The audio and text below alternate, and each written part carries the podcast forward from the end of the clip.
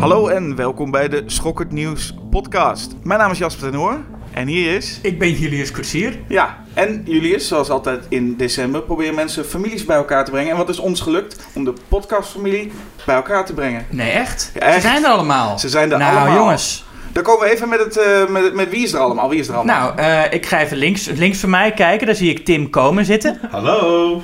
Daarna zie ik... daar is hij. Daarna zie ik Basje Boer. Hoi. Dat- Ik moet even nog even, een beetje wennen. Ik heb niet meer gesproken sinds de vorige keer. Eh, nou, dan zie ik daar Erik van 't Holt. Hallo. En, en naast mij aan de rechterkant Hedwig van Driel. Hallo. En dan is de hele kring rond. Ja, en wat we gaan we doen? Nou, niemand houdt van lange intro's, dus we gaan het kort houden. We gaan een top 5 eh, bespreken van het jaar 2019. Iedereen heeft een top 5. En eh, alvast een kleine disclaimer. We nemen dit op halverwege december. Dus films van eind december hebben we nog niet gezien. Dus als iedereen inderdaad luisteraars afvragen waarom staat Cats op niemands eh, lijstje. Is het daarom? dat ja. komt daarom. Die hebben we nog niet gezien. Ja. We gaan zo meteen het rondje doen. En iedereen begint met een nummer 5. Maar er zit een twist aan. Ja, want we doen dat eh, traditiegetrouw met een drankspel. Eh, vorige twee jaar hebben we dat met jonge jenever gedaan. Maar dit jaar dachten we, we moeten die traditie, daar moeten we een keer vanaf. En we hebben nu vodka. Zo. Eh, het werkt als volgt. Als iemand een eh, film noemt die een ander ook in zijn top 5 heeft, dan neemt die ander een shotje. En jijzelf niet, alleen de Eh, ander. alleen de ander. Oké. Ja. En jij zelf dan als die top 5 eh, er voorbij Voorbij komt, waarin die ander dat heeft. Dus eh, nou ja, het principe is dat er gewoon veel vodka gedronken gaat worden. Gezellig. Ja, en luister. Of, of niet. En dan was het dus een heel... eh, Verdeeld jaar. Verdeeld jaar. Ja, spannend ook nog. Als we, als we nog helemaal nuchter zijn straks, dan is het een heel controversieel jaar gebleken. Ja. Nou, en als we allemaal dronken worden, dan alvast een excuses aan de luisteraar. Want dan is het einde van deze podcast niet aan, aan te horen. Ja. Maar, eh, nou, dat hoor je vanzelf. ja, nou laten we gewoon eens beginnen. Oké, eh Ine, Mine, Mine, Basje. ja. Waarom trap jij niet af? Nummer 5. Mijn nummer 5. ik vond het best wel... eh, eigenlijk viel deze top 5 best wel makkelijk in elkaar op een bepaalde manier. Dus op zijn plek. En op nummer 5 heb ik een film die, eh, die daar ook gevoelsmatig helemaal thuis hoort. Terwijl het ook een film is die, die je op nummer 1 zou kunnen zetten. Maar voor mij is dat echt een goede nummer 5. Namelijk Us van Jordan Peele. Nou, Hedwig, eh, Jasper, Erik en Tim. Iedereen behalve ik. Behalve Julius. Julius heeft daar niet gered. Nee, ik vond hem ook goed, maar inderdaad geen top 5. Nee. nee, ik vond hem dus wel echt een goede nummer 5. Het was niet een film die met me deed wat Get Out deed. Ehm, want die films zijn toch wel degelijk met elkaar te vergelijken. Niet alleen vanwege de regisseur, maar ook een soort type film. Ehm, maatschappelijk relevant en een beetje een soort sprookje op een bepaalde manier. Of een allegorische, eh, eh, allegorisch karakter. Eh, maar ook met heel veel ja, maakplezier erin. Je? Dus iemand aan het werk die echt gewoon lekker zijn tanden erin zet. Ehm, maar ik vond het wat minder strak dan Get Out. Wat minder dat het echt allemaal leek te kloppen. Ehm, maar goed, in zo'n genre top 5 hoort hij wel thuis, vind ik. En ehm, heel goed gespeeld ook. En heel veel lekkere beelden. Het einde deed me wel wat op een bepaalde manier. Dus eh, ja, wat vindt de rest van... Oh nee, daar kunnen we nog helemaal niet over hebben. Nou ja, alleen Julius moet... Ja, eh, nou, ik, ik vond hem dus ook wel goed. Ik vond hem eh, terug. Ik vind hem eigenlijk. Het is zo'n film die ik, waar ik tijdens het kijken erg van genoot. Maar die, als ik erop terugkijk, telkens wat minder goed wordt in mijn herinnering. Dat heb je wel eens met films, toch? Heb Ja. ik wel eens met films. Ja. Ehm, omdat het inderdaad eh, eh, toch een beetje een rommeltje wordt tegen het einde. En er zit, het is met name die ene scène waarin alles wordt uitgelegd. Hoe het Ja. nou echt in elkaar zit. Waarvan ik denk dat had je er ook gewoon uit kunnen laten. Dat, Ja. dat is, dit wordt alleen maar eh, ingewikkeld en onnodig. Ja. Nou ja, bij mij is het dus omgekeerd. Dat toen ik hem net had gezien, dacht ik, ja, oké, hmm, ja. En nu ik er nu, want hij kwam begin dit jaar uit. En nu keek ik terug en dan vergeet ik dus die uitlegscène. En dan denk ik, oh ja, was best wel, dan onthoud ik de beelden en de sfeer en een Ja. beetje de kleuren. Nou ja, en daarom... Ja, en eh, ontzettend goede rollen, moet ik wel even gezegd Ja, hebben. dat zijn- Lupita Nyong'o eh, maar ik vond Winston Duke, die haar man speelt, vond ik ook echt heel sterk. vond ik ook weer heel goed. Ja. Ja. En ik vond ook Tim Heidecker eh, een heel goed monster. Ja, Ik vind het bijzonder dat jullie een- in een één jaar nog een film nog een keer kunnen kijken. Ik ben al lang blij als ik een film één keer kan kijken. Ik heb As denk ik wel vier keer gekeken al. Hoe hebben jullie de tijd om zo vaak nog dezelfde film nog te Koop hem op Blu-ray, nodig een paar vrienden uit. Fles vodka erbij. Ga gewoon, Niet En slapen. vergeet je me elke keer. gewoon wat vaker naar de bioscoop. Ja, maar ik merk dat ik binnen een jaar altijd één fil de film elke keer... Maar dat over de gaande jaren ga je hem nog vaker kijken. Maar, Nee, maar ik heb hem dus ook niet teruggekeken hoor. Ik bedoel meer dat ik terugkeek op het jaar. En, Ja. eh, Ah, maar ik kijk ook zelden een film twee keer in één jaar. Ik, ik wel, want ik wil hem dan nog een, als ik hem nog een keer wil zien, wil ik hem graag nog een keer in de bioscoop zien. Hoeveel, films hebben jullie dit eh, jaar twee keer in de bioscoop gezien? Zonder, nou mag met titel. Geen. Eh, twee keer Stalker in de bioscoop gezien. Twee keer André Rubeljov. Ja, oké, maar nu nog films van dit jaar? Van dit jaar. eh, maar er zijn een aantal die in mijn top 3, of de top 5 zitten. Dus die, Oh, dan die mag je dat niet straks. zeggen. Oh ja, Ja. nee, eentje niet in mijn top 5 zit. Knives Out heb ik ook twee keer in de bioscoop Oh. gezien. Ik durf, ja, ik wil het eigenlijk niet zeggen, maar Spider-Man heb ik twee keer in de bioscoop Nou, dat is toch helemaal niet zo'n... Nee, dat wilde ik eigenlijk niet. Want ik, maar de tweede keer moest ik met mijn neefje en die wilde, die wilde naar Spider-Man. Dus nou ja, dan nog maar een keer naar Spider-Man. Ik heb John Wick 3 twee keer gezien. En eh, de tweede keer wel op Blu-ray, maar ja, ik heb een redelijke setup. En die is uiteindelijk niet op mijn lijstje geëindigd, daarom kan ik hem nu bespreken. Hij heeft wel echt hele goede actiescènes aan het begin en aan het eind. De reden dat hij niet op mijn lijstje staat is dat ik de tweede beter vind. En ik vind dat als je een mindere editie in een reeks... Ja, maar de, de, tussenin zakt hij wat in. Maar het begin is ijzersterk en het einde is heel goed. Dus wat dat betreft... da- en dat is het voordeel van dingen op Blu-ray opnieuw kijken. Dan kun je het er Dan kun wat je gewoon lekker er doorheen skippen naar Ja. alleen de leuke scènes. Ik heb, ik heb mijn complete top 5 minstens twee keer gezien en mijn nummer 1 vijf keer. Dus... Oh, dan ben ik echt heel benieuwd naar je nummer. Uh-oh. Maar voordat je aan de beurt bent... Erik, je hebt je glas al bijna leeg van met wodka. ik. Ja, sorry. Dat is instinct. Er staat een glas voor me en dan drink ik hem leeg. Nummer 5. Mijn nummer 5 is eh Midsummer. Oh, Oké, daar gaan Hedwig en Tim en Basje met een slok. Wil mijn glas zo leeg? En Basje maakt er een heel vies gezicht bij. ja, maar dat is zo'n eerste slok vodka. Ik bedoel... Ja, in Nou. tegenstelling tot Basje vond ik het heel moeilijk om een top 5 te maken. Ik had heel veel films die ik allemaal zeg maar vier skulls of acht sterren had gegeven. En dit vond ik heel moeilijk om daar een vervol, eh, volgorde in aan te brengen. Dus alle films in mijn top 5 die heb ik allemaal eigenlijk gelijk beoordeeld. Die vind ik allemaal even goed. En er zaten ook geen uitschieters dit jaar bij. Eh, dus geen eh, films die ik echt heel goed vond. Ik vond heel veel films, keek ik heel erg naar uit. En die vond ik dan een beetje tegenvallen. En daar kwam ik dan later weer een beetje op terug. En Midsommar is daar dus eentje van. Om, eh, dat heeft natuurlijk vooral met Hereditary te maken. Die vond ik echt heel erg goed. Daar keek hier heel erg enorm naar uit. En hij viel me een beetje tegen. Ik vond het te, te lang. Eh, een film is, hoeft, is in principe nooit te lang, maar ik vond het allemaal te lang duren. Ehm, ja, je mag, je mag een film zo lang maken als je wil van mij. Maar goed, ja, op een gegeven moment haak ik dan af. Er bestaat toch een versie die 20 minuten langer is, toch? Ja, maar daar zijn mensen dan heel enthousiast over. Maar goed. Ik Nou ja, dat, daar hoorde ik denk ik niet bij. Midsommar heb ik trouwens ook twee keer in de bioscoop gezien, bedenk Oh, ik ja. nu. Ja. Ik, ik vond het, beg- het begon heel veelbelovend. Die scène dat, dat, eh, dat je erachter komt dat die ouders eh zich Ja, gewoon de hele openingssequentie. hebben. Ja. Voordat de titel in beeld En ik komt. vond dat daarna die film nooit meer dat niveau haalde. Hm. Dus, en eh, ik vond op een gegeven moment ook al dat gedineer aan die tafels, dat, dat werd maar herhaald en langer. En la- dat duurde van, wat mij betreft te lang. Ik vond er ook toch- wat ongeloofwaardige eh, karaktermomenten, personagemomenten in zitten. Dat ik niet geloofde dat de personages zo zouden reageren. Eh, bijvoorbeeld die scène van, de, van die rotsduiken van die bejaarden. Dat, ik, dat Ja, dat was een mensen daarop reageerden. Dat ik denk, ja, eh, ik weet niet. Ja, dat had ik En ook. dat vooral in de context van de film hoor. Eh, Mhm. Ik vond dat. Ja. Maar waarom dan toch op 5? Omdat ik het uiteindelijk wel een heel mooi gemaakt film vond. En dus een geslaagd einde. het begin en ook wel een geslaagd einde. Dus ik heb er, dat heb ik met al mijn films in mijn top 5 heb ik heel veel op aan te merken. Maar ik vond hem uiteindelijk wel gewoon vier skulls. Het was ook gewoon wel een hele goede film. Dus Ja, vond ik ook wel. Ik vond wel ook zo'n film die een beetje verpest wordt door eh, de, de ontvangst van andere mensen. Wat eigenlijk de- wat oneerlijk is, van die film kan daar natuurlijk niks aan doen. Maar dat mensen dan zeggen, nou, eh, Midsommar, dat is een, een ander soort horrorfilm. En Ja. dat is echt iets wat stond in de correspondent, zo'n artikel van iemand die dan normaal niet van Ja, horror houdt. dat- maar ik zomaar- correspondent. Dat, dat artikel heb ik gelukkig pas daarna gelezen. Ja. Ik had, ik had Nee, vooral dat- last van mijn eigen hoge verwachting, denk ik Mm. misschien wel. Dat je dan. Dat ik niet helemaal los kon laten van, oh dit, misschien als ik niet geweten had dat het van dezelfde regisseur was geweest. Of, ik Mm. weet niet, dat, dat weet je natuurlijk nooit. Dus, maar ja, toch wel goed genoeg voor mijn top 5.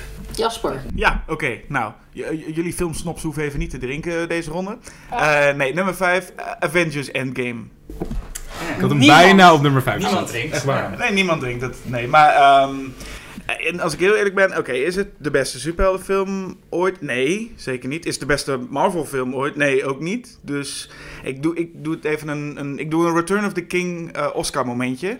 Dat ik hem, dat ik, ik geef hem voor deze film, want ik vind het een geslaagde film. Maar ik geef het vooral omdat ik het een goed einde vind, wat niet echt een einde is. Want jij noemde net al Spider-Man, dus er komt nog veel meer. Maar ik vond het een goed einde van, een, eh, van iets wat Marvel tien jaar lang, iets meer dan tien jaar lang heeft neergezet. Eh, en het is eigenlijk gewoon knap hoe deze film niet ongelooflijk mislukt is ook. Het is op een of andere manier best wel gestroomlijnd. Het is, je zou zeggen, het is een gigantische actiefilm, maar hij is opvallend kalm.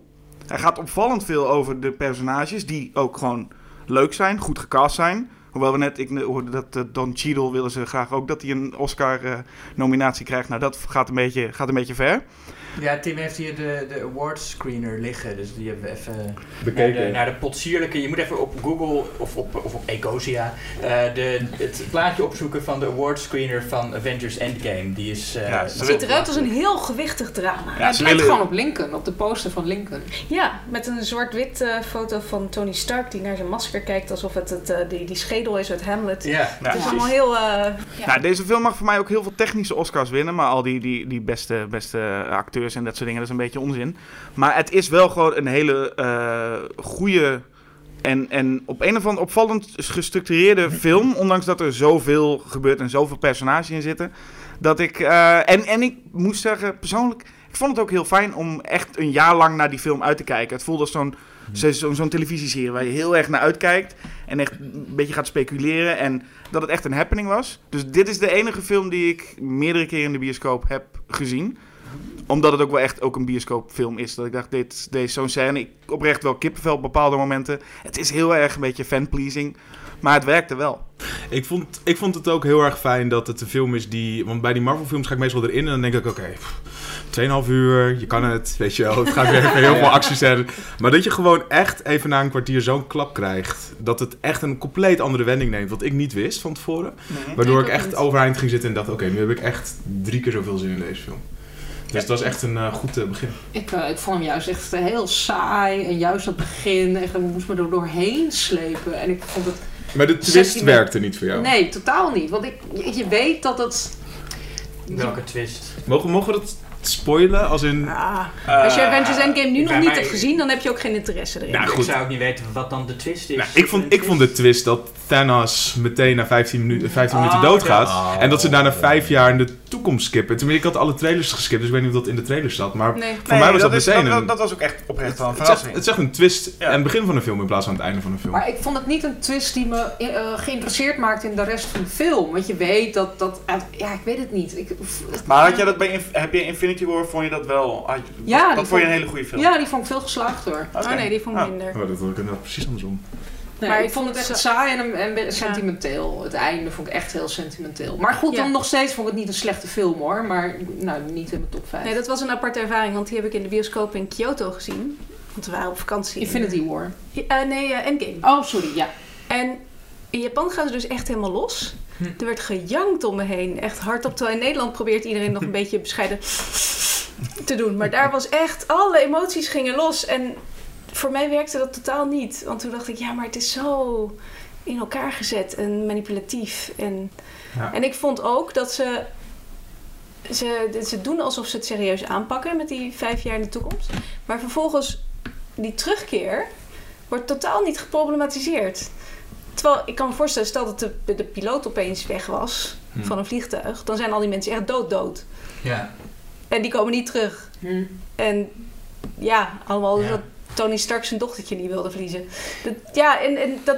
En, en misschien heb je al een nieuwe relatie en komt je ex terug waar je eigenlijk al lang vanaf Ja, wilde. dat, dat was in Spider-Man viel dat ook tegen, want dat, ging, dat speelde zich Ja. dan weer af na, dat, na de terugkeer. En dat vond ik ook een beetje, dat werd er een beetje zo Maar dat tussendoor meer- gefietst. Normaal zou je daar een hele post-apocalyptische film van kunnen maken, dat de halve mensheid weg is. Maar en dat dan- Maar dat dat was juist de grap in Spider-Man, had ik het idee. Dat het juist een soort van voetnoot was. Maar dat kan wel tegenvallen. In Endgame Ja. komt het moment van die terugkeer komt eigenlijk van ja, maar we moeten En nu nog is alles prima. We moeten nog gaan vechten, dus dat Ja. hele gevecht moet daar plaatsvinden. Dus we hebben geen tijd om te laten zien wat er allemaal verder gebeurt. En Spider-Man zou dat dan doen, maar maakt er een grapje van. En dat is op zich, kan dat wel. Maar volgens Ja. mij was daar het moment dat ze eigenlijk een ander extra, nog een extra film konden wijden aan wat Ja, gebeurt er eigenlijk met alle mensen die... Beetje zo'n teleurstellend. Daar is. Spider-Man niet het juiste eh, eh, Nee, frame Nee, voor. klopt. Nee, dat, Dat was gewoon de ook helemaal niet moeten doen. de serie? Nee. Ja, Ja. precies. Dan moet je de leftovers kijken. Ja. Maar wat ik verder in, in stijl nog even eh, wel knap vind, dat staat een beetje los van de film, is ten eerste is er dus ook geen end credits scene. Dus echt gewoon wel dat ik dacht, oké, ze gaan wel echt even het afsluiten. Ja, Ja, dan meteen dat- daarna kwam Spider-Man. En Nou, wacht even. Er is wel een mid-credit scene, alleen zit die voor de credits. Dat is dat Thor meegaat met de Guardians. ja, dat, In elke andere film was dat de mid-credit scene geweest. Ja, ja, dat is waar. ja, maar het voelt ook een beetje dat je moet wel, dat is toch bij heel veel van die films, dan moet je afscheid nemen van de personages. Dat zit in de eerste Avengers ook. Dan gaan gewoon, iedereen Ja, gaat zijn eigen Maar dat is weg. meer het beginnetje van iets nieuws, voelde dit. Ik weet niet, ja, voelde dat zo? In ieder geval, ik had daar niet echt het gevoel van, oh, nu gaan we nog weer iets nieuws beleven. Ik had meer zoiets van, we moeten nu wel laten zien dat ze ook weer vertrekken. Nee, volgens mij was dat echt de opzet naar Guardians 3. Ja, volgens mij ook. Maar ja, en, en, en wat ook fijn is, los daarvan, is dat dus, eh nou ja, Tim zei ook al, hè, verrast in die bioscoop, dat ze de marketing heel veel dingen geheimzinnig hebben gehouden en de trailers niet, bijna niks verklapt hebben. Dat vond ik ook een, een, een goede keuze. Ja. En dat zie je niet zoveel meer tegenwoordig, dat er in de trailers niet alles verklapt wordt. Nee, nou, nu wisten natuurlijk bij Avengers wel, mensen gaan er wel heen. We hoeven niet de hele film te laten zien, die trailers. dat, dat is dan een voordeel van zo'n film, dat je echt Ja. denkt, wauw, ik heb zelfs de trailers gezien en nog steeds wist ik niks toen ik hem ging kijken. Ja, heel tof. Hedwig, nummer 5. Ja, zoals jullie weten heb ik een beetje een traditie dat de plek 5 die bewaar ik voor een film die niet per se anders op 5 zou eindigen, maar om een beetje in het zonnetje te zetten. En ehm, toen heb ik nagedacht over The Wandering Earth. En toen zei ik, ja, op zich een film die bijna 700 miljoen heeft verdiend... is misschien niet de underdog om hier een extra bo- boost te geven. Dus uiteindelijk ben ik gegaan voor In Fabric van Peter Strickland. Hm. En? Gaat iemand drinken? Nee, ik geloof Oh, het dit, is, Nee, dit vind ik wel verrassend eigenlijk. Ja, Ja, ik vind ik- het ook. ja. hij had bij mij ook wel op 5 kunnen staan. Maar, Ja. eh, nee. En niet het is, en dat zal wel vaker terugkomen in deze lijst. Het is een beetje een rommelige film. Hij valt in twee helften in één. En ik vond zoals vrijwel iedereen de eerste helft sterker. Mhm. Uh, maar ja, ik heb er erg om gelachen. Er zitten hele toffe beelden in. Ik vind ook dat het heel erg leuk speelt met allerlei horrorbeelden. En... Moet je even zeggen waar je over gaat. Ja. Want wij, heel, veel- heel weinig mensen hebben hem gezien. Ja, maar ik vind het haast een beetje een spoiler. Terwijl het, stond, het was in alle... Ja, ik heb hem dus nog niet gezien. Nou ja, Maar je mag hem spoilen hoor. Dat, eh, het is niet echt een spoiler. Het gaat over een killer dress. dat wist ik al wel. Ja, precies. Er is een rode jurk en eh, die wordt in eerste instantie verkocht in een heel ouderwets warenhuis waar allemaal mysterieuze vrouwen allerlei. Ik weet niet of het platitudes zijn of mystieke zinnen, maar ze, ze, ze spreekt. Het is een beetje Suspiria-achtig, is het. Met Ja. zo'n soort van kleine gezelschap van vrouwen in een winkel. Precies. En eh, er is dus een, een, vrij eenzame vrouw die eh, koopt die jurk en die voelt zich dan op een date heel sexy. En vervolgens eh, blijkt die jurk niet zoveel goeds voor haar in petto te hebben en misschien ook gecontroleerd te worden door de heksen van het warenhuis of iets dergelijks. Het wordt niet helemaal duidelijk. En dat eindigt halverwege de film. En eh, dan, eh, dan wordt die jurk daarna, daarna opgepikt door iemand die hem krijgt als grapje voor zijn eh vrijgezellenfeest. En daar eindigt het ook niet goed mee. En het, wil, het, is, het is allereerst niet goed voor je wasmachine, die jurk. en er zit ook een heleboel in over wasmachine reparaties. Ja. Dat je ook niet verwacht. En er zit ook een soort The Office-achtige strand in. Dat er twee bazen zijn die ook heel Oh, ja. droog, komisch... Met, met die ondervraging. Office Space deed het me ook aan denken. Ja, Office Space inderdaad. Ja, ja. En eh nou, Peter Strickland noemt zelf ook The Office, zeg maar, de, de Britse, de oorspronkelijke Britse, als eh, inspiratie. En het is dus een, een vreemd allegaartje en het werkt allemaal niet helemaal, maar ik heb wel me geen moment verveeld. En het is, en dat is ook een terugkerend thema, een film waarvan ik hoop... Ik, ik wil dat er meer van dit soort films worden gemaakt. Van Ja. films die ik niet kan voorspellen, waar je niet helemaal weet... Die, die vol zitten met ideeën die, die misschien niet helemaal uitgewerkt zijn, maar die wel weten dat ze... Die zo filmisch zijn ook, zo, zo heel erg, ja. Dus, in Fabric. Ik heb altijd een beetje een haat-liefde verhouding met Peter Strickland. En ik heb In Fabric dus ook niet gezien, omdat ik zijn vorige twee, die konden me gewoon niet bekoren. Ook niet ehm Barbarian Sound Studio. Nee. Ik vind ja, Duke of Burgundy vind ik nog steeds wel zijn beste, moet ik zeggen. Ja, ik vond ze allebei ehm, een soort korte films die waren opgerekt tot lange films. En dat, daar word ik altijd heel chagrijnig van. Dan denk ik, ja, maak dan een korte film. Ik, ik, dat, voor mij bleef het niet boeien. Voor mij was het idee niet sterk genoeg voor een lange film. En ik, ik bedoel, er zitten hele mooie dingen in en interessante ideeën. Maar ja, ik, ik heb het, ik heb het niet zo met zijn werk. Nou ja, misschien was deze ook beter geweest als inderdaad die twee ingekort waren en er juist nog een derde bij was. Want het is nog steeds een Ja, beetje is zo opgerekt. Als ik het verhaal hoor, denk ik, eh, denk ik natuurlijk aan de jurk van Alex van Warmerdam. Mhm. Maar ook een jurk die van de ene naar de ander gaat. En dan ontmoet je heel veel verschillende personages. Dan wordt het een beetje een mozaïekverhaal. En dan vraag ik me af waarom hij heeft gekozen voor twee verhalen. Ja, dat, Ja, ik denk dat er wel drie films in hadden gezeten eigenlijk. Oh juist eh, dat dat uitgerekt beter was geweest. Ja, want ja, er zit zo vol met ideeën. Eh, je hebt aan de ene kant die winkel, maar dan heb je ook nog dat hele dat werk. Dus de, de eerste vrouw die de jurk krijgt, die werkt bij een bank. En er zit ook al heel veel satire over het, het werken bij een bank. Wat, en dan denk ik, dit is eigenlijk ook een soort andere film. En dan een hele film over wasmachine reparaties. Dat, eh, Nou ja, is- dat, nee, maar dat zit ook, er zit ook echt een soort een, een, een, sociaal-kritische laag over hoe je op je werk eh, eh, wordt uitgebuit. En dat die man die heeft dan kennis die hij op zijn werk heeft opgedaan, gebruikt hij om thuis de wasmachine te repareren. Maar dat mag dan niet, want die kennis is het eigendom van zijn werk. nou ja, ja. Dus. Maar ja, dat, Nee. was, eh, dat was mijn nummer eh, vijf. Nou, Julius. Eh, mijn nummer Voordat je vijf. begint, mogen we wel heel eventjes een felicitatie doen voor Julius. Omdat hij de oh nieuwe ja. hoofdredacteur is van Schok het Nieuws. Dank jullie wel. ik, dan denk ik nu mijn eerste slok vodka, want ik heb nog de hele... Ja, voor jezelf. En Doe doe ook ook mee. mee. Hoe Zeer, moeilijk ja. het op vijf hebt gemaakt. Iedereen neemt vodka op Julius, want die is dus de nieuwe hoofdredacteur. Ja. Dus vanaf eh, 2020, schoknieuws, hele andere wind gaat er waren. Ja, things are gonna change around here. Ja. Geloof dat maar. Nou ja, mijn nummer 5, om maar snel door te pakken, is eh, eh, eh, John Wick Chapter 3, Parabellum. Ja, dat heeft Hedwig dan eh, net helemaal verkeerd. eh. Ja, ja dat, is niet. bijna op mijn lijst Maar gestaan. niemand, Dus, niemand, eh, niemand drinkt. Nee, Bij mij had hij ook bijna op mijn lijst gestaan. Dat is ook eentje die ik 8 had gegeven. Ja, het is ook een film die ik. Dat is de, Mag je ook wel drinken hoor. Ja, ik neem weer een slokje. eh, ook een van de films die ik dit jaar twee keer in de bioscoop heb gezien. En eh, kijk, er valt heel veel op aan te merken. Dat hele middenstuk, dat hij naar de woestijn gaat. eh, ja, oké, dat hoeft niet.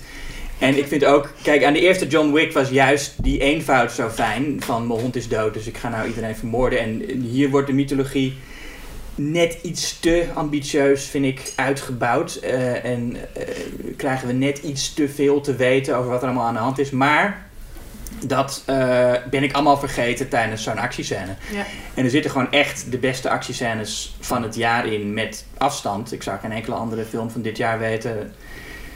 Met zulke goede eh, vechtscènes en motorachtervolgingen. Met name een, een, een messenwerpgevecht in het begin van de film. Ja. En aan het einde het, het gevecht met Mark de Cascos. En, eh, nou ja, en, en Keanu Reeves, die, die doet dat allemaal gewoon maar. En ik moet het personage doet hij het allemaal zelf? leeftijd. Nou ja, nee, maar dat moet je... Veel dat, zijn- Hij doet wel eh, zelfs de stunts, ja? Niet alles, maar Nee, veel. hij zegt zelf, ik, nee, ik doe geen stunts. Ik doe... En daar horen we. Ja, er wordt, het is horror in de steeg. eh. En een vrouw gillen, dat, wordt, dat is onze achtergrondmuziek. voor deze. Ehm, Fans. Nee, Keanu Reeves zegt zelf, ik doe geen stunts, ik doe actie. Je hebt heel veel acteurs die zeggen, ik doe mijn eigen stunts. Wat ze dan bedoelen is dat ze een paar actiescènes gedaan hebben. Eh, maar nee, Keanu Reeves, hij vecht wel. Hij heeft wel één stunt dat hij van een gebouw valt, dat doet hij natuurlijk niet zelf. Maar die vechtscènes zijn over het algemeen Ja. wel allemaal hem. En, eh, en, maar dan niet alleen vechten, maar ook eh, blijven acteren tijdens dat vechten. Dat is nog het, het knapste, vind ik. Ja. Want het, is, het wordt wel eh, vaak een beetje lacherig gedaan over eh, Keanu Reeves, maar... Hij is een van de beste fysieke acteurs. Ja, hoe die in zijn, zijn lichaam inzet, inderdaad. En dat soort... eh, Ja, en echt in character blijven tijdens die atletische strapatsen, dat wordt nog wel eens onderschat. Nou, Want je, je kan op zich wel zo'n gevechtscène doen, maar dan ook nog die stoïcijnse John Wick blik houden. Ja, en ik vond het personage van Mark de Cascos ook heel leuk. Ja. Ja. Want die wordt geïntroduceerd als zo'n hele plechtige sushi-chef. Die, die echt zo, zo heel erg ingetogen en beleefd. En hij blijkt gewoon een fanboy te zijn. En Ja. dat wordt op zo'n leuke manier gespeeld dat het toch, ja. ja, Ja. Ik, ik vond het eh, verfrissend. Ja, nee, dus John Wick 3. Eh, zie, hij ook eh, ontzettend mooie film trouwens. Eh, moet ook even gezegd worden. Oké. Ja, dat was het. Nou. Ja, valt verder niet zoveel over te zeggen, denk ik. Tim. De laatste nummer 5. nou, ik heb het een beetje zoals Hedwig aangepakt. Dus mijn nummer 5 is niet per se de film die daar heel erg in thuis hoort in de zin van beste films van het jaar. Maar ik vind dat hij er gewoon in, in, in een plekje verdient. En het is niet Ad Astra geworden, die ik wel heel goed vond. En ook niet Knives Out, die ook beter is dan deze, mijn top 5. En Joker is misschien ook wel een betere film. Maar mijn nummer 5 is Ready or Not. Ah, Jasper Yes! neemt zijn Iemand. eerste. Nee. Tweede. Tweede Tweede slot. Ik, ik let niet goed. Zo. Ja, Ready or Not zag ik eh, in een eh, bioscoop in Londen samen met een date. Dat was heel eh, romantisch.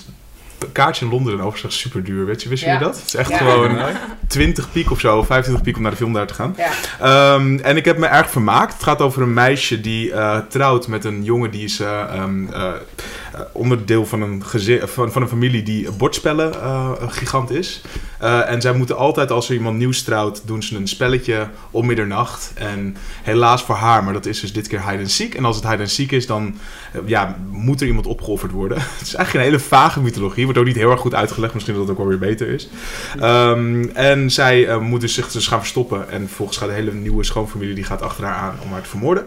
Ehm, en dat werkt omdat het heel kort is. Het is heel snel. Er zitten een paar hele leuke scènes in. Er zit ontzettend veel humor in. Een grappig omaatje die echt een ontzettend goede kop heeft. Daar heb ik heel veel op gelachen. En, eh, maar wat voornamelijk het allerbeste werkt, en dat, dat, daar waardeer ik de film echt heel erg om, is het einde. Want het einde is zo hysterisch en zo briljant eigenlijk. En het eindigt op zo'n high note, wat heel veel horrorfilms tegenwoordig Ik vergeten. vond juist die beslissing die ze maken aan het einde, die wil ik echt niet bespreken, je want het is spoilen. echt een spoiler. Maar ik vond dat het een beetje de hele boodschap van de film ondergraafde. Echt? Oh nee, ik vond, het, Ja. ik, vond het, ik vond het perfect omdat het een, voor mij een entertaining thrill ride Ja, dat was. was het. Ja, en, da, en, da, en, en soms wil ik films daarom zien, weet je wel. Het is niet per se altijd voor mij dan. Dat ik, dat, en als ik naar Ready or Not ga en ik heb die trailer had ik allemaal gezien, toen dacht ik, oké, dit wordt gewoon een fun horrorfilm. Ik hoef er gewoon verder niet over na te denken. En aan het einde eh, gebeurt er dus iets zo hysterisch en maar eindigt de film dus op een soort van bijna positieve noot. Je komt heel erg blij de bioscoopzaal uit. Dat hebben gewoon meer horrorfilms nodig. Ik denk dat daardoor de, de film ook heel goed geregisseerd is. Doordat iedereen volgens mij... eh, Nou, en die even- actrice daar wil ik meer van zien. ja, die actrice is Dus, heel eh, erg leuk. Maar sowieso de hele cast was heel, heel fun. Ja. Ja? Ik ga niks Nee, zeggen. oh ja, Ik ga- Juist ik mag niks Maar jullie hebben hem net Eh, gezien, toch? Want Ja, jullie en Hedwig Ik heb hebben hem gisteren eh, gekeken. Ik, eh, ja, ik vond hem eh, ook wel, wel leuk. Ik, ja, het is een beetje een, een, een, een soort Get Out, maar dan over klasse en dom. Ja. Ja, precies. Maar dan vooral dat domme element. Ja. Ja. Maar het is wel een film die past in een trend. Ja. Die ik zou willen eh, eh, beschrijven. Want we doen ook altijd een paar trends die we het afgelopen jaar eh, waargenomen hebben in ons traditionele eindejaarsgesprek. en de trend die ik het afgelopen jaar zag, is gewoon de, de eenvoudige, leuke horrorfilm. Of genrefilm eigenlijk in het algemeen. Dat was mijn trend ook. Oh, jeetje nou. Nou, daar ga ik er straks nog wat aan toevoegen. Ja, nou ja, ik, ik, ik vond die dus daar. Maar Crawl vind ik het beste voorbeeld Ja. daarvan. Alligators in een kelder en gaan en onder de 90 minuten. Ik vind dat echt heerlijk. Eh, ik vond Child's Play daaronder vallen. Ja. Eh, Ja. Ik vond, ehm eh, nou ander genre, maar Shazam. Escape Room? Oh, Ja, Escape, Room heb ik niet gezien. Oh, dat vond, ik- vond ik ook Ja. wel soms Vond ik ook best wel grappig. Ja, En ha- hebben jullie Hand gezien? ja over dit, eh, die, die spookhuizen. Vond ik ook nog wel wat hebben. Ja, maar dat vonden we minder goed dan Hellfest. Dat ook overigens een film is die daaronder zou vallen. Countdown vond ik zelfs ook nog niet eens Oh, tegenvallen. dat, dat, dat, sowieso, die ben ik niet gegaan, Jasper. Jezus, wie heeft nou Countdown gezien? Count- ik heb Ik heb hem gerecenseerd. Hoeveel? Drie skulls. Ja, nou, Oh. ja. Gewoon best Gewoon, leuk. gewoon fun. Ja, best wel leuk, Ja. toch? Ja. Nou ja, Sorry, we kapen jullie eens een... eh, Nee, ja, nee, dat is helemaal niet erg. Nee, Nee. want dat is, dat Nee, is we beamen het, ja. Dat is de- zijn punt. Ja. Best leuk.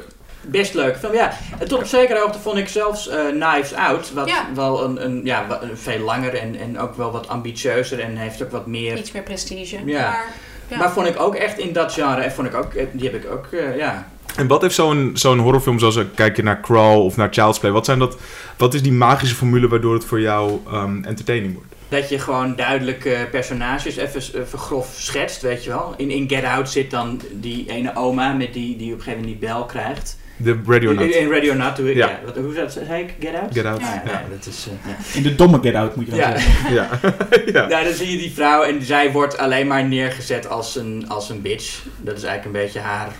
Dat is een kleine backstory, toch? Dat ze je daar Ja. de opening zeggen. Jawel, maar het is wel meteen... Het is zo'n personage... Ik heb die film met mijn vriendin gezien. En mijn vriendin zegt altijd bij personages die heel duidelijk als de bad guy neergezegd worden... Zegt ze, hé, bah. Heel vet. En dan zeg ik altijd van, nou, ik, ik mag hem wel. Eh nou, zulke soort personages, dat, dat helpt. Eh, ehm, ja, en wat nog meer? Nou ja, dat het gewoon goed geschreven is, eh, Tim. Dat het strak in elkaar zit. Ja. Ja. Ik vond Crawl niet zo goed geschreven, maar ik heb daar hele persoonlijke haatgevoelens bij bij die film. die, ik wel, die ik wel in het Nederlands kan spreken, maar niet in het Engels, geloof ik. Dat is een andere, dat is een andere discussie. Dat is why. Nee, ik heb, ik heb afgelopen jaar een, ehm, een moeizame samenwerking gehad met de schrijvers van Crawl. Dus ik ben, eh, ik heb, het is, dat, is, dat is gewoon eh, de, de film waarvan ik hem heb gekeken en toen dacht, oh ja, dit is het geworden. Punt. Nou ja, ik, vind, ik vind dat ze daar dus heel goed in zijn. Gewoon lekker strak. Ja. Een verhaal met, met, met een soort constant eh, heen en weer tussen eh, eh, ehm, opluchting en nieuwe problemen. Dat Maar is dat- eigenlijk dat is wat je. Ja. ja. En lekker een beetje gore effecten weer terug. En- Ja. Ja. Ja. En is de Nee. regisseur van, van Crawl niet de minste natuurlijk. Nou, ik denk dat het voornamelijk aan de regisseur Nee, lag dat het zo goed, Ja. eh, nogmaals, maybe I'm biased here, maar ik vind Alexandre Aja is echt een, echt een entertaining regisseur die Piranha ook heeft gemaakt Ja. en The Hills of Ice. En ehm, moet ik wel zeggen dat ik de look van Chrome niet heel geslaagd vond, niet heel mooi, maar het is Nee, wel het gewoon een hele goede film, Het is right? geen esthetische film, nee. Nee. Maar Basje, je had wat toe te voegen nog daar. Dus ook jouw... Nou, misschien is alles wel gezegd. Oh. Ja, het was inderdaad ook ehm, eh, mijn trend, maar dan iets anders gedefinieerd. Namelijk films waar heel veel plezier in zit en die met plezier gemaakt zijn. Een beetje wat, wat ik net ook zei over As. En wat in mijn top 5 sowieso wel zit. Maar ik haalde daar ook... Tuurlijk, je hebt de pulpy films. Daar zit heel veel plezier in. En dat is ook een beetje wat Julius aanstipt. Maar je had ook wat Knives Out al meer is. Gewoon goed gemaakte films. Die ook nog wel een soort van maatschappelijke relevantie hebben. Ja. En een soort boodschap of inderdaad een soort eh, pretentie daarin hebben. Of, eh, en, ehm, eh, maar die, waar toch ook heel veel plezier in zit. En, En waar heel veel. oma. Huh? En ook een rare oma. Ja, en, maar, en waar een soort. Ja, echt gewoon dat film, filmmaakplezier. Dat iemand met, met plezier dat in elkaar heeft gezet. Ook al heeft hij misschien een deprimerende boodschap uiteindelijk. En ehm, ehm, nou ja, dat, de, de films die we tot nu toe hebben genoemd. hebben niet een deprimerende boodschap. Maar we komen vast nog wel op andere films die dat wel hebben. Ehm, en ik had ook nog daarbij, ehm, eh, wat geen film is, maar een serie. Russian Doll heeft ook Hm. dat plezier, Ja. vind ik. En ik Ja. vond dat niet, eh, eh, die staat niet in mijn top 5. En ik vond het ook niet eh, de, de beste serie ooit. Maar daar zit wel die lol in of zo. Dus die, die had ik daar nog wel bij ge- geschaard. Ja, zoals ik berekend had, hij is, Russian Doll seizoen 1 is korter dan The Irishman. Dus je zou het als film kunnen beschouwen. ja, ik heb hem ook echt Serieus? wel eh, ge- gebinged en in één Eén keer de hele, eh, het hele seizoen gekeken. Ik heb het ook in één avond inderdaad achter elkaar. eh. Nee, dat, dat vind ik heel fijn ook. Dat er zoveel... eh, ook, ook mensen die daar plezier hebben in genre.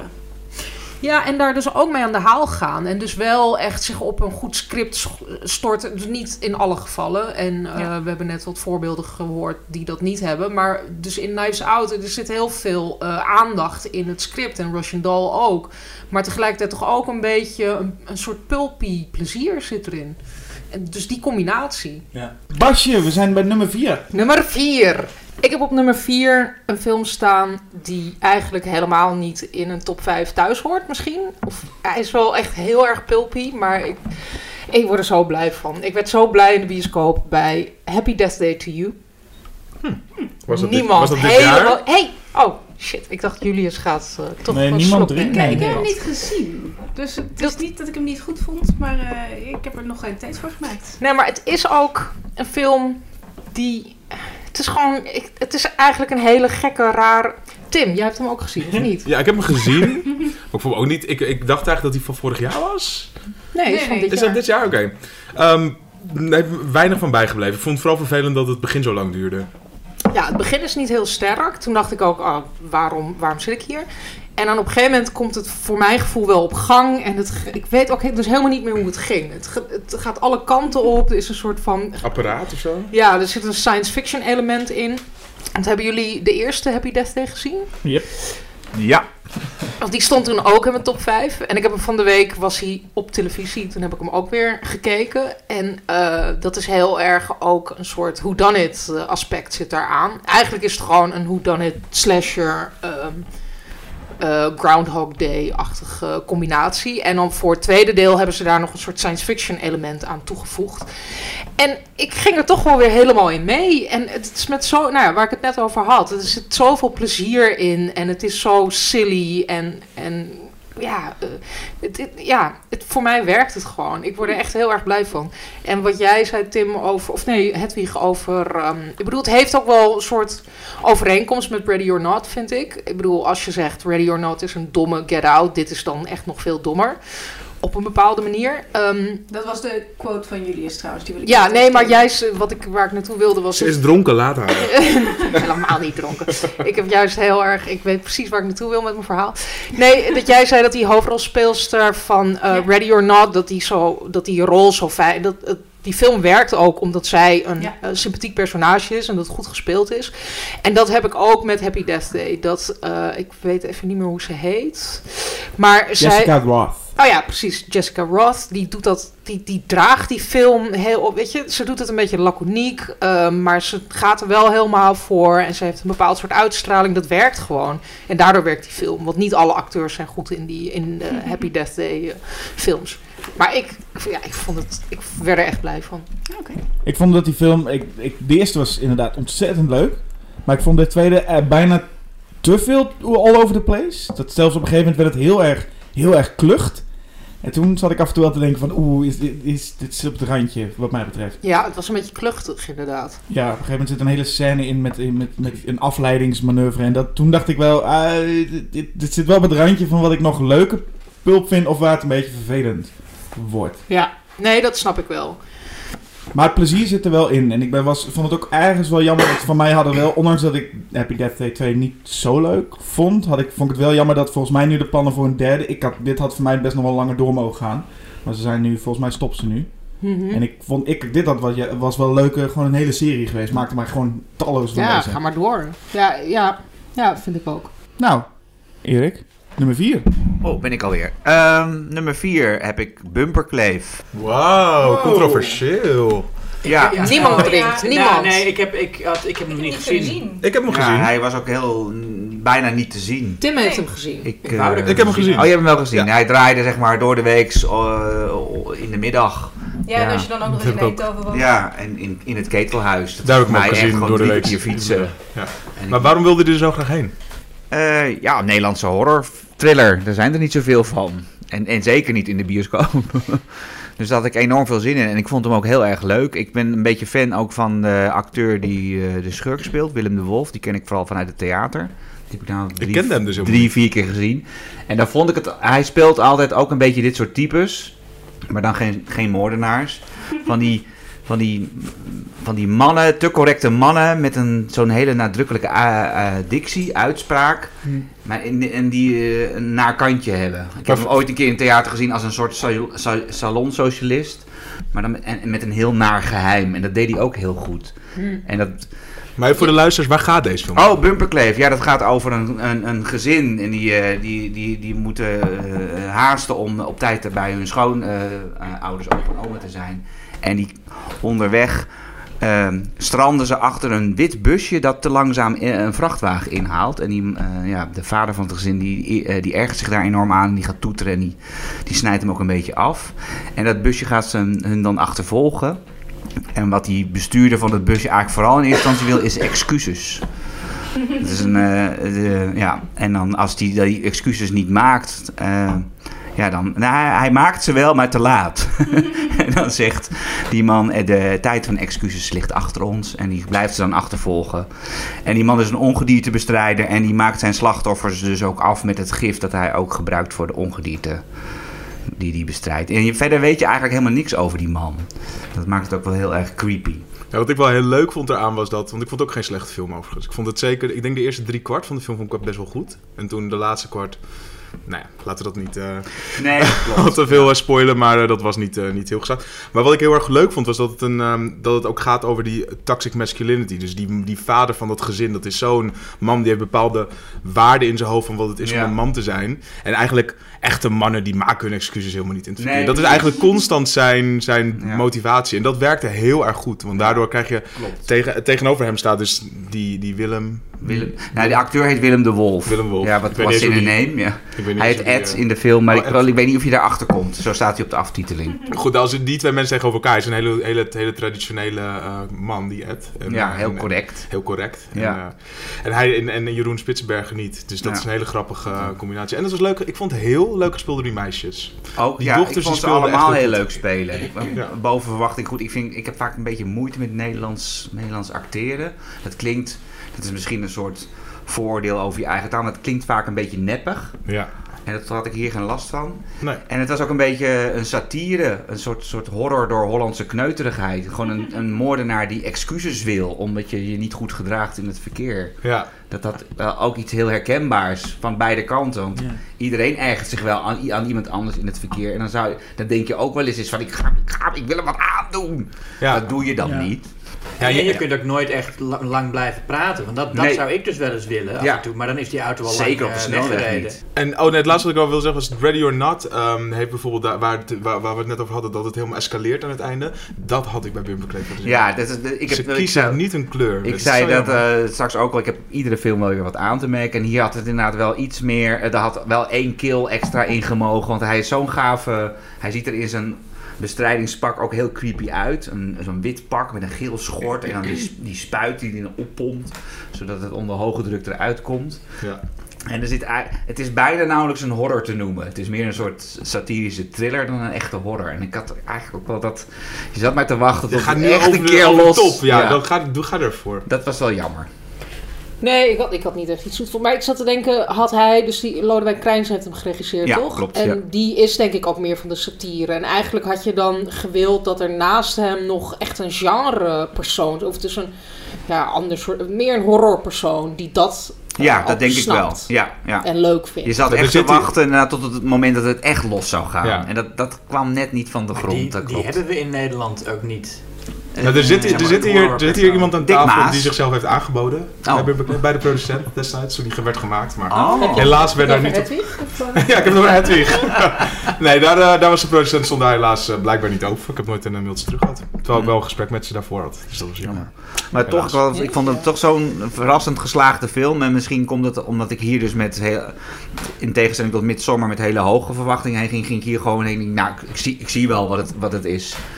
En dan denk ik, oh wauw, dat dit ook gewoon gemaakt kan worden in Nederland. En dan wel zo jammer dat het zo weinig aandacht heeft gekregen. Ja, vind ik ook. Dat ligt vooral, volgens mij vooral aan de distributeur. Slecht gemarket, ja. Precies, Ja, en, ja. en gewoon eh, hoe het is geprogrammeerd. eh, Ja. Hoe, hoe bioscopen dat oppikken. En had het niet veel meer dan gewoon lekker in paté moeten staan. Zeker. En niet Maar alleen hij in draaide, het hij draaide in. Pathé. Ja, Ja, Hij maar hij heeft ook een paté gedraaid. Heel weinig. Ja. Want ik wilde er ook heen hoor, maar dat lukte gewoon. Ja, dat had ik wel. Ik wilde er ook Maar- naartoe en toen draaide die al niet meer. Maar het is ook echt een doelgroeploze film. Ik weet niet voor wie deze film is gemaakt. Hmm, Het is niet echt voor kids, want het gaat over een gezin. Het is ook niet dat alsof mannen eh, massaal eh, eh, naar, de, naar de bioscoop rennen voor Bumper Kleef. Terwijl, weet ik veel, eh, Marvel en zo te, te zien is. En de, en de film kwam ook in, eh, tijdens Halloween uit ongeveer. Tijdens Halloween, toch? ja. Ja, dat is ergens zou je denken dat is goed. Maar aan de andere kant heb je bij Halloween weer de keuze aan Ja, Scary horrorfilms. Stories, En dan gaan de meeste mensen en misschien weer niet naar de Nederlandse film. Oké, Ready or Not. Ja, ja, dat klopt. maar ik zie eh, heel veel dorstige mensen. Ja. ja. Dus eh, laten we allemaal wat gaan drinken. Mijn nummer 4, Parasite. Iedereen! Volgens mij Iedereen. iedereen. Oké. Erik is al in een refill toe. Waarom heb je hem zo laag? Waarom is hij laag? Dat zal ik zo even uitleggen. Maar ik vind hem niet zo laag staan, toch? Nummer 4. Maar ehm, dit is ook een klein beetje, als we het toch over een trend moeten hebben. Eh, ik weet niet of het heel erg een trend is, ook van dit jaar. Maar wat ik wel steeds meer zie, is dat eh, genres eh, eigenlijk een beetje verdwijnen. In die zin dat, ik, weet je, weet, iedereen weet nog wel de televisiegids. En daar stond altijd een film en er stond er één genre. En ik zie nu gewoon voor me, ik weet niet of ze er nog zijn, die televisiegids, vast wel. Maar Maar ja, hoe zo'n nodig voor. Parasite. hoe zo'n hele redactie bij tegenwoordig allerlei films echt zit met, ja, wat gaan we nu in dat ene blokje stoppen? En dat is bij Parasite wel echt het voorbeeld, want volgens mij is deze film ongeveer elk genre wat er is, is Parasite. Ja. Ik, ik bedoel, mensen vragen dan ook wel van, eh, wat, wat is het voor film? En dan denk ik, ja, ja, ja, ja het, is, het, is, het is alles wel. Het gaat over trappen. Het gaat, dat gaat overal over, noem een woord en dan kun je zeggen, ja, daar gaat Parasite ergens wel over. Een, een, een, een eh, arm gezin doet hun intrede, eh, komt via snode omwegen eh, te werken bij een heel rijk gezin. Ja, nou daar zou ik het ook bij laten. Ja, of in nee, ieder geval, althans, dat, is, dat is het uitgangspunt. En daarna gaat het allerlei kanten op. er gaan allerlei kanten op inderdaad. Het is een film die, eh, nou ja, wat we net ook al zeiden, van hoe vaak ga je een film zien. Ik heb hem één keer gezien en ik heb het ergens idee, deze film, dat ik hem een paar keer moet gaan zien. En dan gaat hij groeien. En dan kan hij misschien wel gewoon naar nummer 1 stijgen bij mij. Hij kan er ook net aflazeren en in nummer 6 of 7 komen daardoor. Maar ik, dit voelde wel echt als een film, die moet je volgens mij wel echt meerdere keren zien. Want ik, kon- ik liep niet de bioscoop uit en dacht, ik weet nu precies wat ik hiervan vind. En dat vond ik ook heel fijn. Ehm, maar ja, dus, dus dat is denk ik de reden. Maar hij is, hij, is, hij is alles en hij doet alles ook goed. En de, ik ving ergens ook tijdens het lezen heel vaak de naam Jordan Peele. En ergens snapte ik die vergelijking wel. Dat het is, het is, eh, Ik vond het ook wel een, bijna een soort Jordan Peele-achtige film. Ehm, maar heel, Maar wel verfijnder vind ik eigenlijk dan Jordan Peele. En eh eh Bong Joon-ho is ook al veel langer bezig. En doet Ja. dit ook Ja. al veel langer. Gewoon precies die mix van genres. En eh, eh, dat die, die, ja, dat, ja. Ja, hij heeft de Maar- host en Snowpiercer. ja, maar Memories of Ja. Murder was echt... eh, Ook, en, ja. en Mother is misschien nog wel mijn favoriet. Maar wat ik van die films- obscuur is. Die, die films die ik in ieder geval van hem gezien heb, het is, zijn, zijn maatschappijkritiek ligt er redelijk bovenop. Maar het, het, is wel, het gaat wel gepaard met gewoon ook bijzondere gekkigheid. En dat viel me bij Jordan Peele ook heel erg op. Dat hij gewoon het, het, het, het ligt er wel bovenop. Dus iedereen kan het wel zien, de, de, de maatschappijkritiek. Het zit niet zo erg verstopt. Maar het is wel eh, met zoveel gekkigheid. En ja, het is een, stilistisch een hele mooie film ook. Ja. En, en eigenlijk wat, wat me vooral het opviel, het boeide me zo ontzettend veel. Dat is wat, wat me vooral opviel. Je kijkt zo'n film en, en eigenlijk kon die film elke kant op gaan. Dan kon elke keer maar links, rechts of rechtdoor. En ik, waarschijnlijk was ik gewoon meegegaan. Ik ging gewoon mee. Ja. Ehm, maar het is niet een film, dus daarom staat hij op nummer 4. En misschien bij jullie hoger, dus dat hoor ik dan zo meteen wel. Maar ehm, ja, het, het is niet een film waarbij ik meteen, bam, ik weet wat ik vind. Ik weet hoe, hoe die is. Maar dat die goed is en dat die fijn is, dat weet ik wel. Nou, iedereen gaat er zo meteen nog verder over praten. Ja. Dus, Ja. eh, ja, dus dus dan, eh, angstvallig. Parasite komt nog, eh, Ja. komt nog veel eh, voorbij. Dus eh, de laatste die over Parasite moet gaan praten, heeft waarschijnlijk geen woorden meer, eh, meer nodig. Dus eh Hedwig, nummer 4. Ja, ik ga het nog niet over Parasite hebben. Eh, wel over een film die misschien nog wel vreemder is. Hooglat. En ook een film waar ik me prima van kan voorstellen dat je hem verschrikkelijk vindt. En dat ik zelf ook wel heb getwijfeld of ik hem nou goed of verschrikkelijk vond.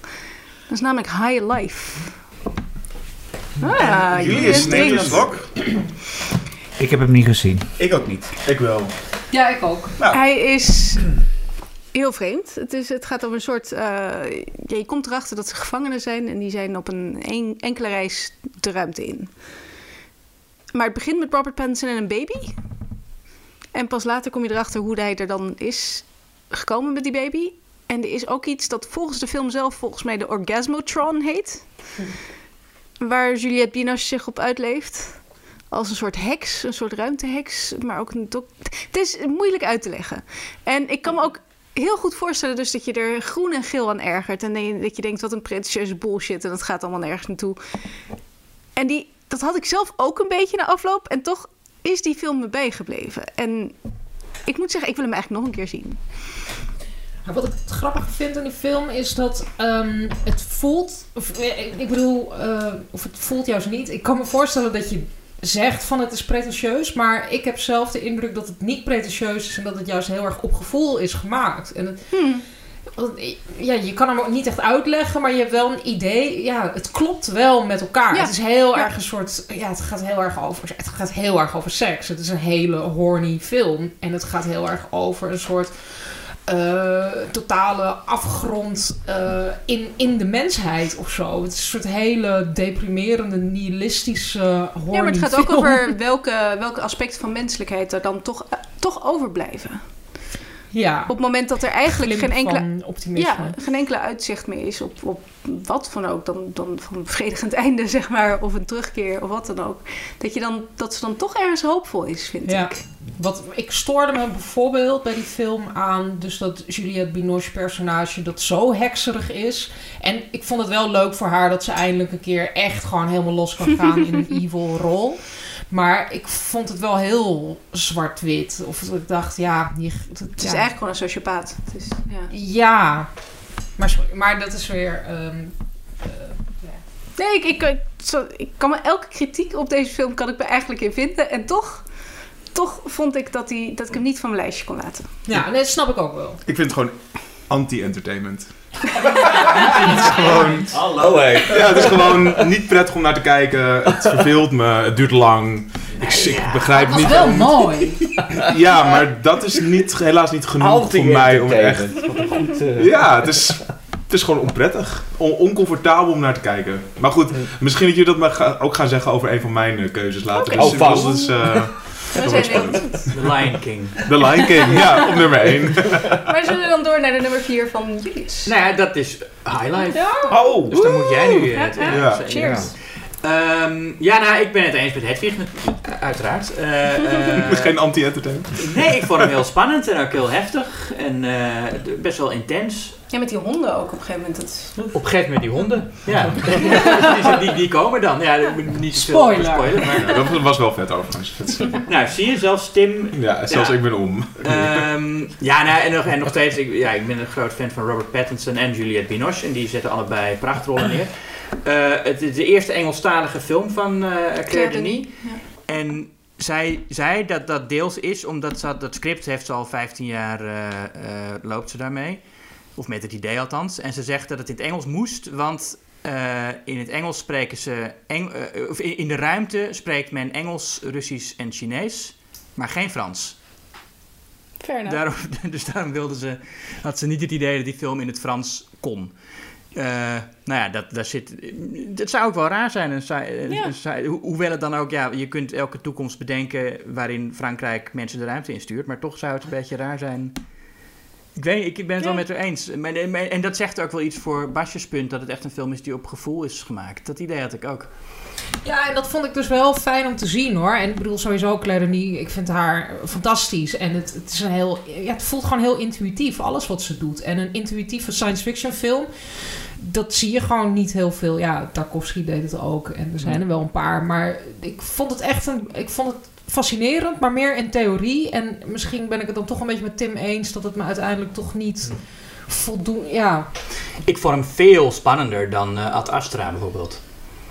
Ja, dat Ja, maar Ad. Astra is anti-entertainment, echt waar. Nee, maar dat, dat maar kijk, maar daar ben, ik het, daar ben ik het dus weer niet mee eens. Die stond bij mij bijna op nummer 5. Serieus, echt waar? Ja, Wauw. omdat, ik, omdat dat, eh, dat vond ik dus bijna meditatie. En dat is voor mij weer geen anti-entertainment. Hm. Dat, is- dat is niet ongemakkelijk. Ik vond Ad Astra juist een hele fijne, prettige film. Waarbij ik helemaal zo lekker hmm, zo op een stoel ging zitten. En zo in van, slaap viel. ja, bijna een slaapfilm. Maar ik bedoel, ik mediteer ook graag. Ik vond het echt een hele mooie film. Echt, eh, daar, daar vond ik, voelde ik veel meer bij dan bij Highlight. Oké, één ding. Degene die bij Ad Astra besloten heeft om die voice-over te gebruiken, die moeten ze de ruimte in schieten. Echt waar. De meest overbodige voice-over van eh, het decennium. Maar ik luister zo graag naar zijn zoetgevoiste stem van. Brad Pitt. Oké, maar ga verder over.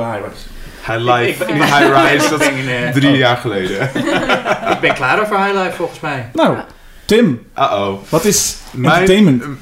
mijn nummer 4 is Midsommar. Overigens misschien ook een oncomfortabele film Oh. voor sommige mensen. Nou, Ja. dan gaan, oh ja, oh ja. dan gaan Basje, Hedwig en Erik weer. Ehm, Midsommar was eh, voor mij een hele vette ervaring in de bioscoop. Ik vond het ook soms een klein beetje lang, maar ik vond het niet storend. Ehm, ik vond het feit dat het gaat over tradities en hoe een meisje zichzelf vindt daarin. En eh, ja, ik ga nog niet zeggen wat daarna gebeurt. Maar ik, ben zelf ook iets aan het schrijven over tradities. eh, wat waardoor ik, ik, ik snapte heel erg goed waar die, hoe die lijn liep. En ik vond het heel, heel, heel vet. Ehm, ik heb ook de director's cut daarna gekeken. Want ik kijk elke film meer, meer dan één keer. Daar zit een hele vette scène over gezien. Waarbij, ze nog een soort van ritueel doen. Dat ze een jongetje in het eh, water eh, willen, willen gooien. Met stenen om zijn lichaam heen. Wat echt heel lijp is.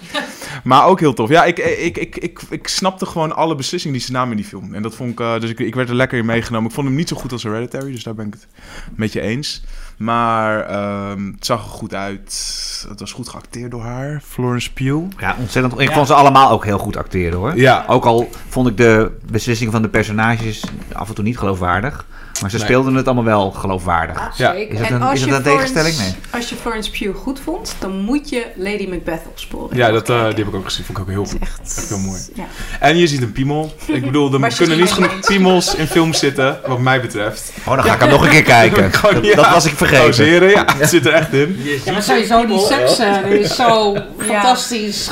Fantastisch. Oh, die. Ja, die is afschuwelijk gênant. Echt afschuwelijk. Maar heerlijk ook. Maar ik vond het wel jammer dat dan om me heen ehm, werd er dan zo heel ongemakkelijk gegiecheld. En mensen weten niet wat ze ermee aan moeten. Terwijl. eh, dat Oh, maar dat vond ik ook leuk. Ik zag hem in Amerika, daar liepen mensen de zaal uit. Op dat Ik, moment. ik ga af en toe ook genieten van het ongemak van het publiek om me heen. Ja, maar ik wilde die scène meer gewoon puur zien voor wat het was. En er zat Ah, namelijk ook een soort ontroering in. Of Ja. iets, en een soort verwondering. En, en dan word ik toch afgeleid. Je, dat gegiegel om je heen maakt het één ding. En dat vond ik, dat deed er voor mij aan af.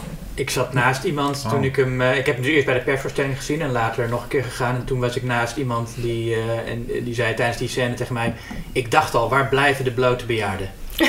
Ja, dat is, ja. En voor mij is het ook dezelfde blote bejaarde als uit Hereditary. Ik ken haar. ja, Deze die herhalingsbejaarde. hangborst heb ik eerder gezien. Ja. Nee, maar een goede, goede opvolger. Waardevol, waardevol film. Gaan we we trend doen? Oh, sorry, ik ben Ehm. presentator helemaal niet meer. Nee, hou je stil. Ja, als je een trend wil doen, Ik heb nog niet echt per se iets. Iemand anders? iemand een trend. Ik, kan er, ik heb er nog wel een. Oh, god, nou, jullie. Nee. Gooi eruit. Weer iemand anders de trend. Ja. Nee, nee, als iemand anders. Nee, nee, ik ben, nee omdat het net. eh, eh, nou, ik weet nou niet meer welke. eh, net had je daar voor Toxic Masculinity iemand. Ja, dat zei ik. Over, Dat is toch eh, ook een beetje een trend van dit jaar. Je hebt, je hebt de Joker en je hebt de Irishman en je hebt Once Upon a Time in Hollywood. Ja, Dat is een totaal een trend. klopt. Nou, fantastisch. Basje, wat is jouw nummer drie? Ja, ik word ook Maar is een dat ieder jaar niet eh, een trend? ik word Is dat al niet te lang een trend? Ja, en ook dat ik... Ja, Scorsese is er al zijn hele oeuvre mee bezig. Ja, nee, en, dat is eh, natuurlijk. het is ook dan dat ik denk... heb je eindelijk ook een beetje feminisme als onderwerp. En, en toch iets meer vrouwen, eh, vrouwelijke regisseurs in de picture. Met grote projecten. En dan krijg je meteen... Oh nee, maar wij gaan het nu hebben over toxic masculinity. Dan denk ik, ja, we moeten eerst een beetje ook uit... Of niet eerst, maar laten we ook eens kijken naar wat dan...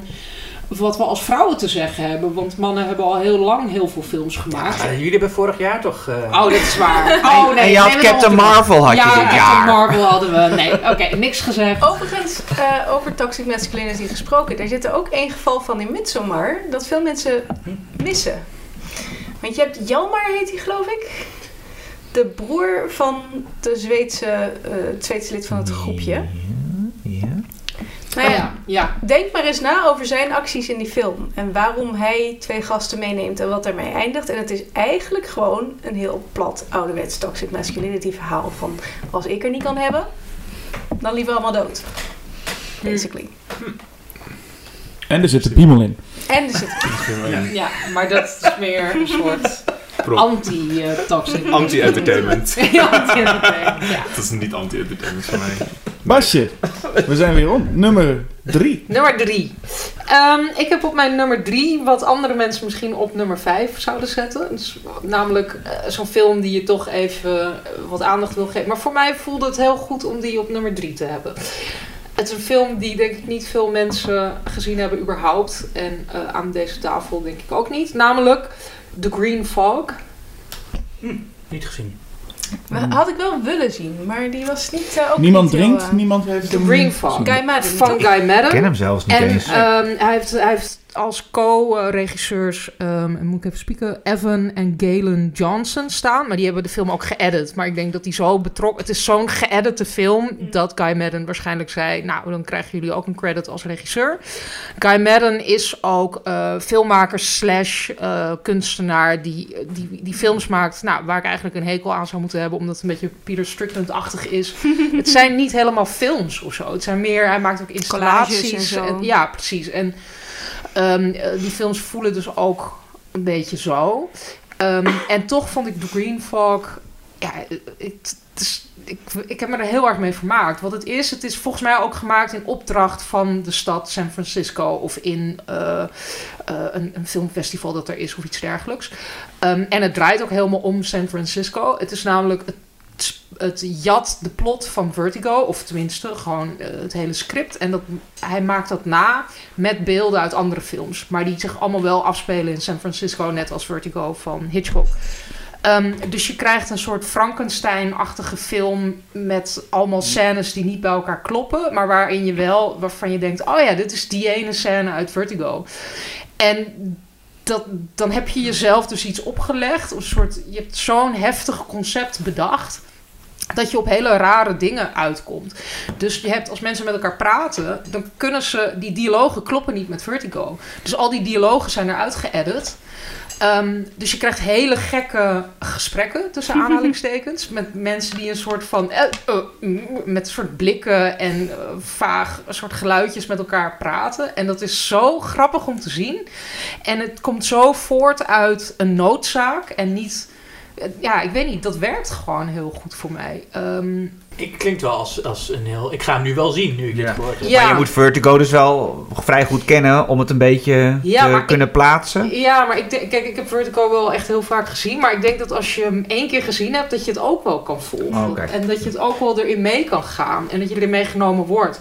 Op een gegeven moment wordt het wel flauw. En dat vind ik jammer. En dan gaat The Green Fog uit de titel ook een soort rol spelen. Want er komt een soort ander verhaallijntje bij dat niet van Hitchcock is. Maar ik vond het toch zo'n gek experiment. En met zoveel grappige momenten erin. Hij staat volgens mij nog steeds op Pickle, de, online eh, Ja. ehm, zoiets? streaming service. Nou, dat wist ik niet. Ik Daar stond hij in ieder geval heel lang op. En eh, ik raad hem aan. Het is echt... ehm, nou ja, en er zit ook weer zo dat plezier in, waar ik het net over had. Maar dan op een hele andere manier weer. Gewoon... Het is heel, heel pretentieloos ook eigenlijk. Terwijl het dus heel conceptueel is, is het ook heel, ja, heel fijn. Maar dus dat mijn, was mijn nummer drie. mijn favoriete film van Madden die ik heb gezien is My Winnipeg. Dat ook Ja, in opdracht is- van een stad is ja, gemaakt. En ja. ook over een stad. Dus wat dat betreft, eh, misschien moet hij alleen maar films over steden maken vanaf Ja, maar Winnipeg heb ik inderdaad op DVD en heel vaak teruggekeken. Dat is zo, er zitten zulke bijzondere, Ja. poëtische, gekke dingen in. Erik.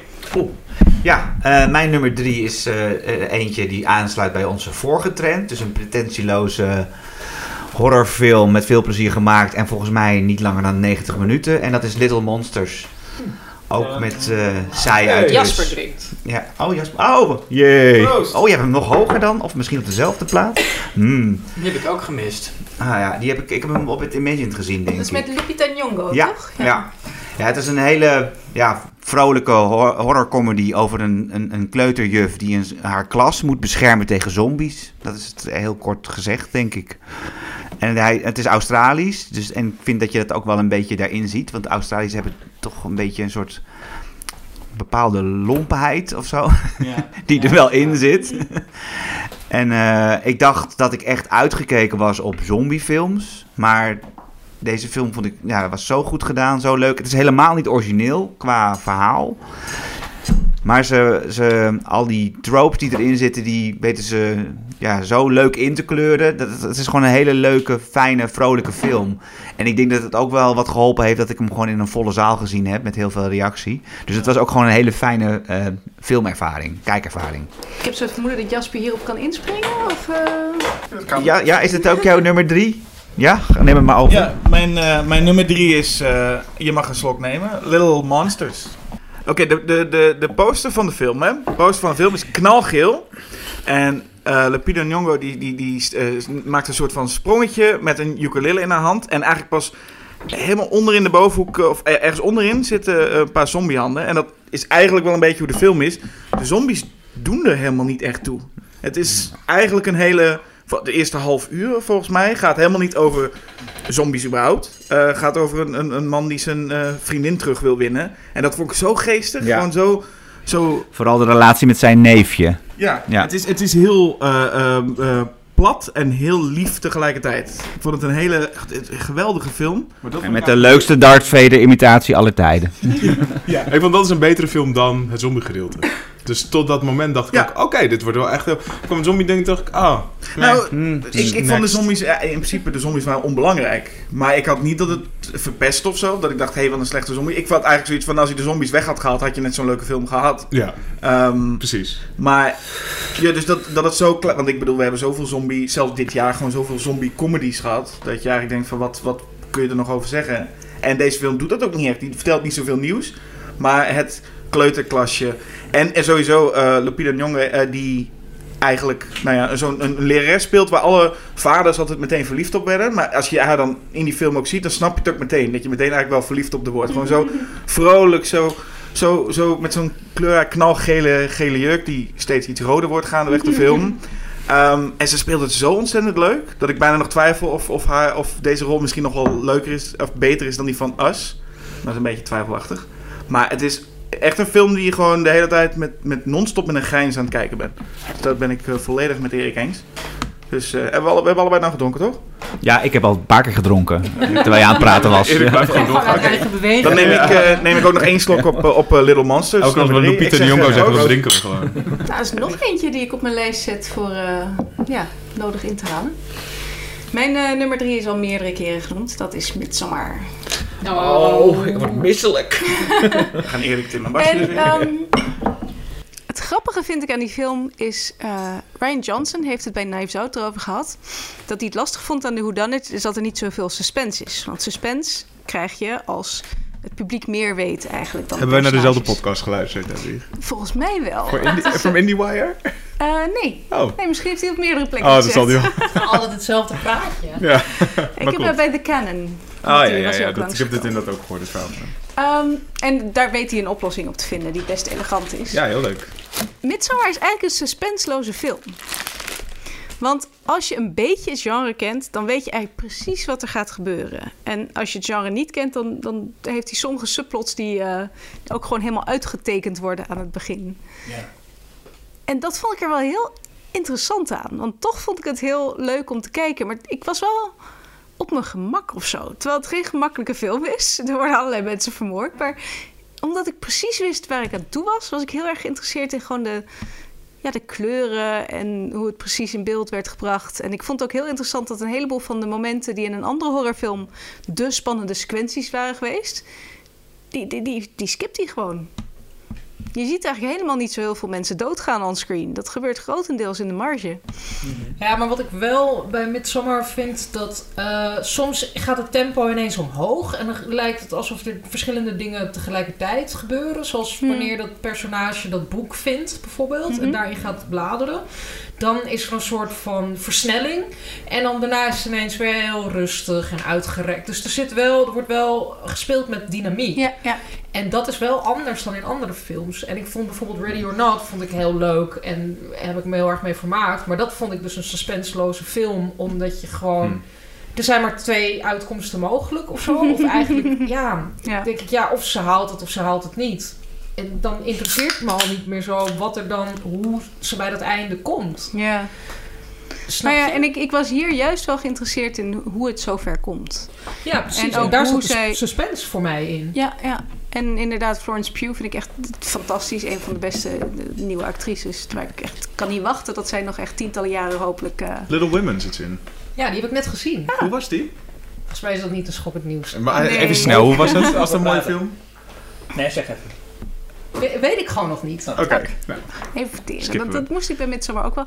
Maar ik, ik kwam er gewoon ook... Ik keek hem op een vrij koude dag, geloof ik, of regenachtig. Dus dat was een heel, heel raar om die zaal dan uit te komen... waar het echt, echt non-stop zon is. En te- toen de regen instapte, en volgens mij was het zelfs wel donker. En ja, ik weet niet, ik, ik, ik, ik vind er ergens iets heel prettigs aan. Wat heel vreemd is inderdaad voor... Het zijn toch best wel gory stukken. Maar Vond je het beter dan Hereditary? Ik heb Hereditary dus niet gezien. Ah. Wat? Ja, ik moet hem in. Ja, het is heel erg, maar ik ben, ben eens een watje en iedereen vond hem heel eng. Dus ik durfde niet in de bios. Dus, en, en mijn vriend wil hem niet zien. Terwijl thuis dan... Hereditary is ook wel echt enger dan uh, Ja, Midsommar. ja, ja, Midsommar is niet eng creepy, eigenlijk. eh. dus, eh, ja. dus die ga ik nog inhalen, want ik ben nu wel heel erg geïnteresseerd om te kijken wat hij eerder heeft gedaan. En ik vond het En je ook moet wel... zo'n korte film zien. Ja. De, die, waarin die zoon zijn eigen vader constant verkracht. Met Johnsons? Ja, de- de- there's something about the. Johnsons. Ja. Dus 30 Heb minuten staat op. YouTube en het gaat dus over een... een Toxic masculinity. Ja, dat is zeker Ja. toxic. Het gaat over een zwart gezin waarbij de zoon constant zijn vader verkracht. Hm. En eh, de moeder dan de televisie harder aanzet. Yay. Ja, hij heeft een beetje, hij heeft een beetje disturbing eh, films gemaakt. Dus, En eh, ook veel over familie. Ja. Ja, ik heb dingen met familie. ja. Maar het grappige vond ik dat je kan het einde van Midsommar als een happy end lezen. Ja, totaal. Ja, Ja.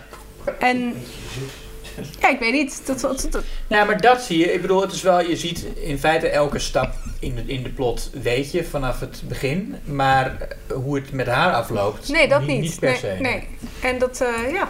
Nou ja, voor mij is Midsommar ook echt een, een emancipatiefilm. Het gaat Ja. gewoon over emancipatie. En wat dat betreft, je begint op een totaal low point. En dat wordt alleen maar beter. Maar je kan het ook anders interpreteren. Ik bedoel, dat Tuurlijk. is dus ook geen spoiler, vind ik. Ja, je gunt het haar ook, want zij, ik weet niet, zij heeft iets, iets over zich waardoor je... Die, die jongens die vinden haar allemaal heel vervelend in het begin. En toch Ja. eh, root je voor haar. Dat, hebben ze, dat, dat speelt ze heel subtiel. Maar zo, wordt- zo wordt ze ook geregisseerd, dus het is ook geschreven. Ja, ja. Ik begin al een beetje met dubbele tong te praten. Ik versta er niks van, Tim. Nee. Ja, oh ja. Oh ja, Tim, te gek. Ja, ik ben gelijk. Ik kaap Maar, het eh, is verhaal. ja ik, ik, verder heb ik niet zo heel veel toe te voegen aan wat er allemaal gezegd is. Maar dus eh Midsommar op drie. Nou, eh, dan gaan we meteen door naar mij. Ik neem het roer Naar mij? Naar Julius. Gaan we drinken? Ehm, ik, ik weet het niet. Ik denk het eigenlijk niet. Want, ja, het is een film die... Het is heel discutabel of dit wel een schokkend nieuws titel is. Oh. Mijn Gaan nummer drie is eh, Long Day's Journey into Night. Toen was het stil. Greco. Ik heb geen idee wat wat het is überhaupt. Nee. Oh. Ik weet ook Ik niet heb hem wat wel het gezien. Ik heb hem het, gezien. nou, het is een film van... eh, vind jij het een schokkend nieuws titel? Ja, vind ik wel. Ja, we gaan- Neo-noir. Gelu- Ja, precies. Een neo-noir van uh, Be Gone. En het is, eh, zo heet de regisseur. En het is een film. Nou, hij begint als een, ehm een, een detective verhaal waar je al vrij snel, althans ik, eh, de draad eh, kwijt bent. Zoals het hoort. Ja, en op een gegeven moment denk je van, nou, ja, ik, ik kan dit nou wel nog gaan proberen te volgen, maar volgens mij eh, is dat niet helemaal de bedoeling. En dat blijkt dan ook op een gegeven moment. En het, het, eh, ja, na, na 75 minuten verschijnt de titel in beeld. en dan. Het is ook een lange film, hè? Ja, het is een lange film. En, en, en dan komt er nog, dat is het, eh, een shot van een uur. En dan moet je, dat is leuk, dan moet je je... Eén shot van een uur. Ja, en dan moet je je 3D-bril opzetten. Je krijgt dus een 3D-bril, want het, maar die hoef je... Maar die is helemaal ze- zweterig, want die heb je de hele tijd vast. ja, ze zeggen die moet je niet aan het begin opzetten. Maar pas als de titel in beeld verschijnt, zet je je 3D-bril op. En dan zet je hem op. En dan is er dus één eh eh, een longtake van een uur in 3D. Waarin de camera door de stad glijdt. En er eigenlijk helemaal geen plot meer is. Maar gewoon alleen maar een, ja, droomachtige beelden. Waarin de hoofdpersoon een soort opdrachten moet uitvoeren. Eh, het is ja, heel moeilijk te vertellen waar het over gaat. Want het is gewoon echt een, een droomfilm. En ja, het dit wordt- is ook... Ja. dat woord wordt heel snel gebruikt bij films van het voelt als een droom, maar hier is Ja. dat... Ja, Is, is het nee, een beetje Enter dat the Void-achtig? We zitten Die- toevallig bij de poster van Eh, Enter the Void. Ja, die heb ik dus niet gezien. Oké. Maar het is meer een soort comic-achtig, vind ik. Het heeft iets heel erg comicboek-achtigs. Oh, dat, dat, dan dan moet je even dat uitleggen. Ja, ehm... Ja, oh, oh. Ja, Dan, dan roep moet ik wat en dan moet ik het dan ineens gaan uitleggen. Ja, ik weet, de feel van de film, het, het, het is heel erg ingekaderd. Het, voor mij, het- ja. Nou, ik moet even over nadenken. Ingekaderd. Nou, strip heeft ook kaders. Ja, dat is de overeenkomst. Nou ja, sorry, maar nee, ik vond het in elk geval een prachtige bioscoopervaring. Ik heb dat laatste uur vooral eh, alleen maar zitten genieten van... eh, ja, dus, eh, dat shot, eh, dat, ik heb gelezen dat het twee maanden heeft ge- gekost om dat voor te bereiden. Ik weet nog niet of, het echt een, of hij echt niet heeft vals gespeeld bij die long take. Maar ik kon in elk geval niet zo snel momenten ontwaren. zoals je dat soms hebt. Bij Atomic Blonde heb je die ene vechtscène in die trap... waar ik zo zeven momenten zag van... oh, daar heb je stiekem geknipt. Hellboy. eh, Ja, oh, Hellboy was remake staat daar helemaal vol erg. mee. Ja. Godsamme. En, Ja. en dan toch doen, hè, zo'n long take. Nou, dat je ja. dan zegt van, we moeten een long take erin, maar dan elke twee seconden een Het licht voegt helemaal niks toe. Oh, Sam. Mendes gaat het nu ook doen, toch? Een hele film lang. Ja, ik vind het... Eh, eh, weet je, als het, als, het, als het goed is, is het goed. Maar in heel veel actiefilms vind ik het gewoon echt vervelend worden. Ja. Maar hier dus niet, want hier is het, hier is het een heel rustige long Maar take. deze moet je dus in de eh, bioscoop zien, 3D. Ja, je moet hem, ja en, en dat kan niet meer. eh, Nee. Tenzij die weer eens opnieuw eh, gedraaid gaat worden. Dus deze Dus ga je ik- nooit meer kijken. Als hij nog eens in de bioscoop komt, eh, ga ik er wel weer naartoe. Maar ik denk niet dat ik hem snel op, thuis op zou zetten. Nee, ik denk als je hem gemist hebt, heb je hem gewoon gemist. Want dat 3D, dat, is er, dat voegt hier ook wel echt iets toe. Maar je raadt ook niemand aan om hem eigenlijk... Je raadt ook niemand aan om hem thuis te gaan Nou, kijken. kijk, als je door mijn eh, beschrijving het idee hebt dat het een film voor jou is, dan moet je En hem sommige mensen kijken. hebben een 3D-setup, hè? Ik niet. Maar Ja, maar ja, nee, dat is waar. Maar dan nog, ik denk dat thuis 3D eh, toch anders is dan in de zaal. Maar dat, daar kan ik niet met zekerheid een uitspraak over doen. Ja, ik wil toch even proberen om uit te leggen wat ik Mhm. bedoel met dat stiphoekachtige. Ik weet zelf ook niet waarom ik dat zomaar roep. Ehm, maar je hebt wel, kijk, het is, het is een, een trage film en het is een verwarrende film. En het, weet je, dus het heeft echt iets heel erg arthouse-achtigs in zich en bijna pretentieus. En, ehm, maar voor mij is het neigt het toch naar iets anders. En toch meer naar een, eh, nou, ja, wat ik dan slipboekachtig noem. En het, het speelt ook met een soort cliché, maar blijft binnen dat cliché en gaat er niet buiten. En dat vond ik dus ook jammer aan die film. Het, terwijl ik vond die long take echt heel indrukwekkend en ook heel boeiend om te zien. Ehm, en er zit daar binnen die, die, die, die, die take van een uur zit één moment waarin hij in zo'n, eh, hoe noem je zoiets, van zo'n glijbaanachtig Ja, ding. ka- kabelbaan. Ja, zo'n kabelbaan naar beneden gaat. Nou, dat vond ik waanzinnig. Ja, Gewoon waanzinnig. dat je alleen maar hem volgt. Ook überhaupt dat je denkt, oh, dan moet die cameraman dus ook in zo'n ding gaan en erachteraan. Ja. En dan gaat daarna de scène helemaal door. Ja, ik weet niet, dat vond ik heel sterk. Maar voor mij bleef het dus binnen een soort kader op een bepaalde manier. En dat klinkt nog steeds een beetje vaag, maar misschien heb ik het iets meer uitgelegd. nu. Maar wel een hele interessante, boeiende film. Nou, Oké, Tim. Hey, ehm, mijn... eh, get ready to drink. Mijn nummer drie is Parasite. Echt iedereen, hè? Ja, echt iedereen. Waarom zo laag? Waarom zo laag? Goed zo. Ja. Ik, ik had die vraag al verwacht. Ik heb er eigenlijk heel weinig over te zeggen. Dus ik zat net ineens te denken, wat ga ik eigenlijk zeggen? Kut, kut, kut. Mijn nummer drie komt eraan. Parasite is Parasite. Ehm, soms zijn er van die films die zo goed zijn... dat als je ze ziet, dat je denkt... wauw, dit is echt een hele goede film. Ik heb hem van begin tot eind vermaakt. Het is echt heel knap hoe hij dat allemaal heeft ge- geconstrueerd. Ehm, maar dat is het ook. Ik bedoel, dat is gewoon... Ik heb er echt bij- bijna weinig op aan te merken. Terwijl ik echt bij elke film wel iets aan te merken heb. Het is... Ik vind ja, alle keuzes die hij maakt heel vet. Ik vond de, de, de, de twist halverwege ongeveer met iets. Nadat dus...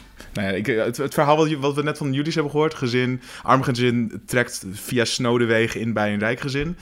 Maar dan gebeurt er daarna iets, als zodra dat is gebeurd. Dat vond ik een hele toffe, toffe twist, die weer een heel nieuw genre aanboorde. Ehm, de, de, de, de eindsequentie is te gek, waarbij je er toch nog ergens achter komt. En ja, ik vind het zo heel vaag, want we willen niks want de ergens film, achter. Ja, ja. Misschien zie je wel een piemel. Ik vond... Ja. Of iets met honden. zien we geen piemels in die film?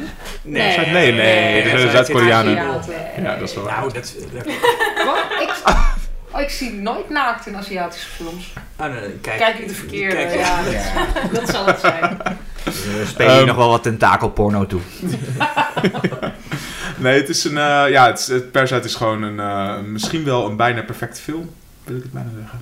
Ja. Misschien wel Wat? bijna perfect. Nou, Maar maar, dan toch niet op nummer 1. nee, maar dat komt dus denk ik omdat het zo ontzettend ehm, eh, go- goed is dat, er, dat, dat het... mis- Oké, misschien is dat het. Dat het in, binnen genre is misschien soms een klein beetje bijna zijn karakter verliest, omdat het zo'n goede film is. Dat het, dat het geen uitspattingen heeft in een bepaald genre. Het is gewoon allemaal heel goed en netjes gedaan. En ook de subgenres die erin zitten zijn gewoon heel, heel, heel goed uitgewerkt. Of zeg ik nu net zoiets vaags als... Het is een soort van stripfilm die ingekaderd is. en een fantastische titel, Parasite. Hallo. Hey, Ja, hallo, eh, Ja, hele vette titel. Ja. Ja, nee. inspringen met mijn trend? Oh, ja. Vertel. Want eh, de, de, de laatste twee films die ik zo meteen ga noemen... die jullie, als jullie goed hebben opgelet, kunnen voorspellen. Alleen niet de volgorde. Ehm, Waarom Al heel veel vodka op. Wat was je naam ook alweer? Ja. passen dus in een trend dat er heel veel films dit jaar gingen over klassenstrijd. Want we hebben Knives Ja. Out al genoemd. Nou ja, daar zit het heel dik in. Ready or not? Ready or Not. The Lion King. in. dat Zeker zit erin. weten, ja. Aladdin. Ja, Aladdin ook. Aladdin? En de, eh, de twee films die eh, nog wel voorbij zullen komen. En wat er zo interessant aan is, is dat de beste van die films, die tonen ook vooral dat ehm, door de klassenstructuur arme mensen tegen arme mensen en onderdrukte mensen tegen onderdrukte mensen gaan vechten. Want als je kijkt naar Ready or Not, klein beetje spoiler, maar niet veel, is eigenlijk die, die rijke familie, daar gaat het een hele tijd best wel goed mee, terwijl alle staf het loodje legt. En sommige van die staf helpt de rijke mensen tegen de hoofdpersoon. En Terwijl de, de staf die rekent. ja, Knives Out vind ik in dat opzicht, en dat is eigenlijk de reden dat hij uiteindelijk niet in mijn top 5 is geëindigd. Die is wat dat betreft een beetje oppervlakkig, want die heeft een heel. ehm, ja, die, die, het arme meisje dat centraal staat, is eigenlijk haast een, haast een soort, soort heilige. Er is helemaal geen complexiteit daarin. Of eh, zeg maar, sterker nog, je denkt aan het eind wel dat ze ook een aantal van die rijken nog wel gaat helpen. Terwijl ze dat helemaal niet verdienen. En ik vind de meer interessante films ehm, compliceren dat beeld. Maar vind je dan niet, eh, want bijvoorbeeld als je Parasite daarin neemt, zonder iets te willen spoilen, gebeurt er dus dat, het, dat binnen de arme eh, Ja, de ja. klasse ehm, twee kampen tegenover elkaar komen te staan? Precies, waarmee één ook heel loyaal is aan... Ja, ja. Aan, aan de rijken. Maar, maar gebeurt het ook tussen de rijk, in- binnen het rijke, de rijke structuur? Zijn er films waarbij nee, daar de klasse... En zoals in Parasite ook gezegd wordt, het is makkelijk om aardig te zijn als je rijk bent. Ja. Nou, ook iets van afgelopen jaar, niet zo schokkend nieuwsachtig. Ik zal het heel kort noemen. Maar wat wel gaat over klassen, is Succession, de televisieserie. ja. En daarbij nemen de rijken het wel tegen elkaar op binnen een Mhm. familie. En ehm, eh, ja, ze zijn ook totaal niet gelukkig. En, ehm En dan gaan zie je dat- kapot onder hun eigen eh, status en macht en rijkdom. En als ze dan kwetsbaarheid proberen te tonen, dan worden ze daar direct op afgerekend. En er is nog één film waarvan ik heel erg hoop dat die nog hier uitkomt. Misschien met Imagine hopelijk breder. Eh, dat, die heet The Platform. El Hoyo. Eh, die is alleen nog op festivals te zien geweest. Maar dat, ehm, dit is echt een allegorie waar Bong Joon-ho heel trots op zou zijn. Want hij is zo ontzettend obvious. Dat gaat over een gevangenis die eh, verticaal georiënteerd is. En het eten wordt via een, een soort bak van boven naar beneden gebracht. Dus de mensen die boven in de gevangenis zitten, die kunnen zich helemaal te goed doen aan al het eten dat er te vinden is. Maar tegen de tijd dat het helemaal beneden is aangekomen, zijn er natuurlijk alleen maar scraps over. En En dus een soort high-rise, uh, snowpiercer. precies, ja, ja. En Vet. ik vind het wel interessant. Het is natuurlijk niet voor niks dat nu eh, al dat soort films worden gemaakt. En Joker past daar ook wel een beetje in. Dat zeg maar dat dat het kill the rich en anticapitalistische, dat dat overal een beetje in zit. Eh, In Fabric bijvoorbeeld heeft ook echt anticapitalistische. Ja, Ja. Ik schreef, toen ik Parasite net had gezien, zette ik ook op Twitter van dat Parasite de film was die Joker niet was. Omdat ik inderdaad ook wel een vergelijkbare thematiek eh, erin zag. Maar ook omdat iedereen toen over Joker had en ik dacht Parasite is veel beter. maar ehm, ik was Ja. een beetje ver voor de meute uit, want dat was de persvoorstelling en toen had niemand Parasite nog gezien. En het interessante is dus dat er ook verschillende perspectieven daarin worden gekozen. Succession is heel erg het perspectief van de rijke mensen. Dat je af en toe ziet wat ze arme mensen aandoen. Maar dat wordt ook snel weer een beetje weggemoffeld. Ja, dit is een goed moment in Succession dat de, de, arme neef, eh, cousin Greg, Ja, Die, eh, eh, of de, de Shiv, de, de rijke dochter, die zegt van... Ah, heb je wat geld voor de automaat? Ja. En dan zegt hij, oh ja, ik heb alleen nog maar een briefje van 20. Maar ze van, ik heb, dat is mijn enige geld. En zij zegt, oh dankjewel. Ze pakt zo dat twintigje en stopt het in de automaat. Niet van plan om dat ooit terug te geven. nee, want en 20, hij, 20 dollar. wat 20 maakt dat dollar, whatever. Het is gewoon praktisch meer. En voor hem is dat gewoon het enige dat hij heeft. Dat soort momentjes zitten er vaak in Succession waarvan je merkt dat, eh, dat, dat klassenverschil. Maar meestal gaat het gewoon over de, rijke klasse. Ja, ja. Nee, en ik ben heel benieuwd of dat zich eh, voort zal zetten en of het ook eh, langs andere assen. want een heleboel mensen verwachten eigenlijk een beetje de MeToo-golf. Die is er nog niet echt. Bombshell komt er nu aan, dat is niet echt een genrefilm. Maar ik vind het wel interessant om te zien hoe. en vooral ook inderdaad dat het. Sommigen zijn een beetje simplistisch. Van zeg maar de heel lieve arme mensen die, eh, die uitgebuit worden door de, de, de slechte rijke mensen.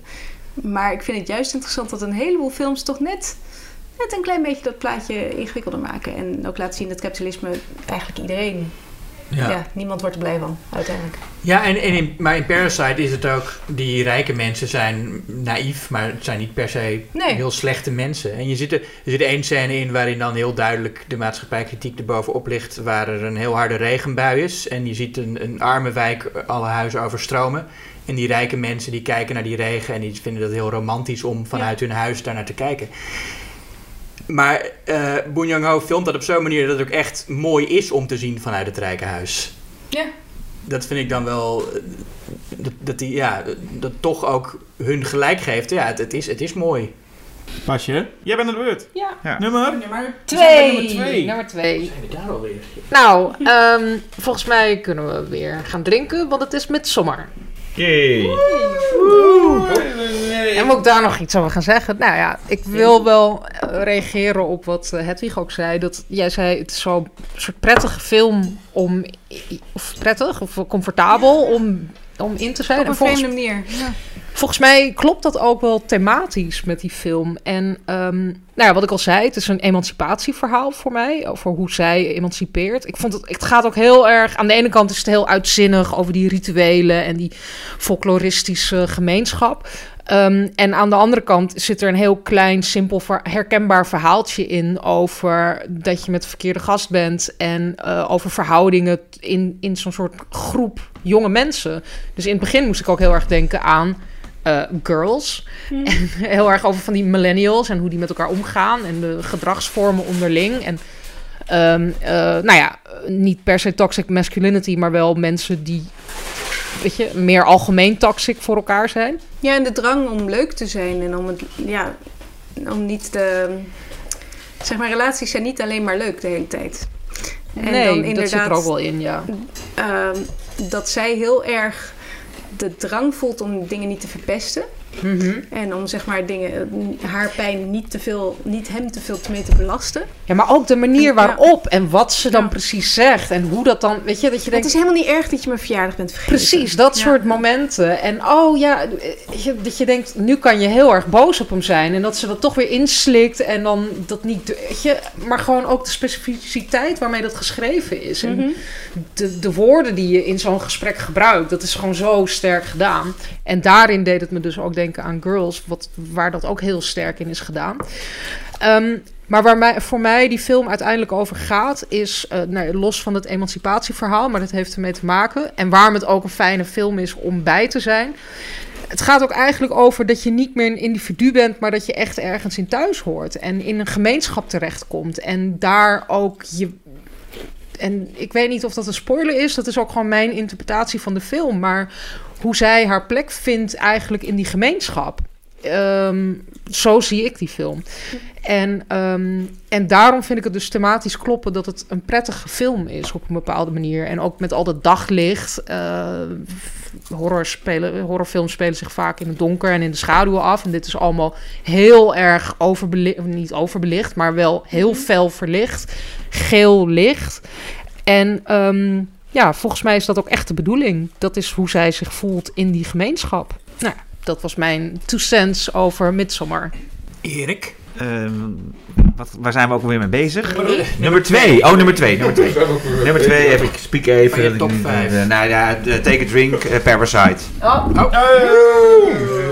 Ja, dus nog hoger. Hij komt steeds hoger, stiekem toch wel. Joh. Parasite. Zo benieuwd wat jij erover te zeggen hebt, Erik. Nou, het is toch een beetje vlodder, maar dan op zijn Aziatisch. Kut. Dat is, toch beter, dat is toch beter dan wat Jasper en ik erover zeggen. Sorry, Jas. Nou, dat was het dan. En beter ook wel. Hoewel, Je miste wel ik Tatjana. wist er wel. come on. De incestueuze scène. Niet met je zus. Het piemel. Nee, ja, ik, ik, eh, ik moest... het er zit geen piemel in. Oh nee, dat hadden we al gezegd. Ja. En ook, nou... ehm, Dat vind je vast net zo erg als ik. ja, ja. Toch wel, dat is, dus ik heb op iedere film het aan te merken. nee, ik, eh, jij vertelde net over dat je net, misschien net iets te perfect vond. En dat zat, ik, dat, die, ik moest, ik, die film ben ik nog steeds aan het verwerken eigenlijk. Ik heb hem pas vorige week gezien. En ik ging eh, de twee mensen waar ik mee daar naartoe ging, die zaten zich enorm te ergeren aan die film.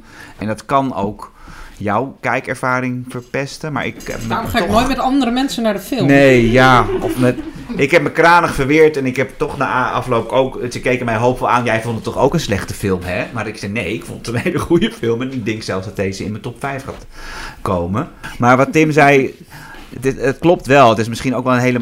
Het is misschien... Ja, dat hij iets te perfect is of iets te mooi en nergens uitschiet. Ik moest heel erg... Ik heb met zijn vorige film soms een beetje moeite, juist omdat ze af en toe te raar zijn. Snap je? Ook ja, daar, eh, die rol van eh, Jake Gyllenhaal en Tilda Swinton daarin, dat is allemaal heel erg cartoonesk. Ja, dat kan je heel heerlijk vinden. En, ik, ik, en in Snowpiercer ook, die Tilda Swinton. En dat is juist leuk aan, zo'n, aan die regisseur. En misschien ook wel aan Koreaanse films in het algemeen. Dat ze misschien wat extremer zijn in pieken, dalen en... Ik weet niet, het is, een, het is niet heel... eh, ja, ze vertellen hun verhalen anders. Het is vaak toch een beetje een niet- niet-westerse manier misschien van vertellen. Dat nou, je maar daaraan had moet ook, eh, wennen. je had ook Burning vorig jaar. Of was het dit jaar? Vorig Ja, jaar. vorig jaar. Vorig jaar. Dat is veel meer een understated film. ook, Ja, precies. ik, eh, En deze film was juist wat, denk ik zeker het acteren was allemaal wat, wat normaler. Is dat dan? Dan zijn Maar andere films. ja. ook, Dan die want je vorige noemt films. Okja en eh eh, Snowpiercer, Ja. maar dat zijn dan specifiek ook zijn Amerikaanse films. En daar zat, daardoor vond ik die ook Oh ja. cartoonesker dan Ja. zijn Koreaanse films. Ja. En ook minder goed. Amerikanen Ja. Dat is wel weer interessant. Oh, dat is misschien wel. Oh, dat vind ik zo opeens heel erg goed. nee, die vond ik ook wel heel goed. Maar dan moest ik wel heel erg wennen aan die, aan die, ja, de- aan die stijl. En dat het af en toe enorm switcht naar iets heel kolderieks. En dan gaat het weer heel, naar heel serieus. Dat is een okja. En dan weer heel sentimenteel. En dan, ja, dat, ik kan me voorstellen dat, dat, je daar, dat, dat het niet makkelijk is om daar naar te kijken. En degene met wie ik naar, die bios, dus naar deze film ging, die, vond, die, zaten de hele tijd, die had het de hele tijd over... Ja, het is toch een beetje een, een cultuurverschil, voel ik nu.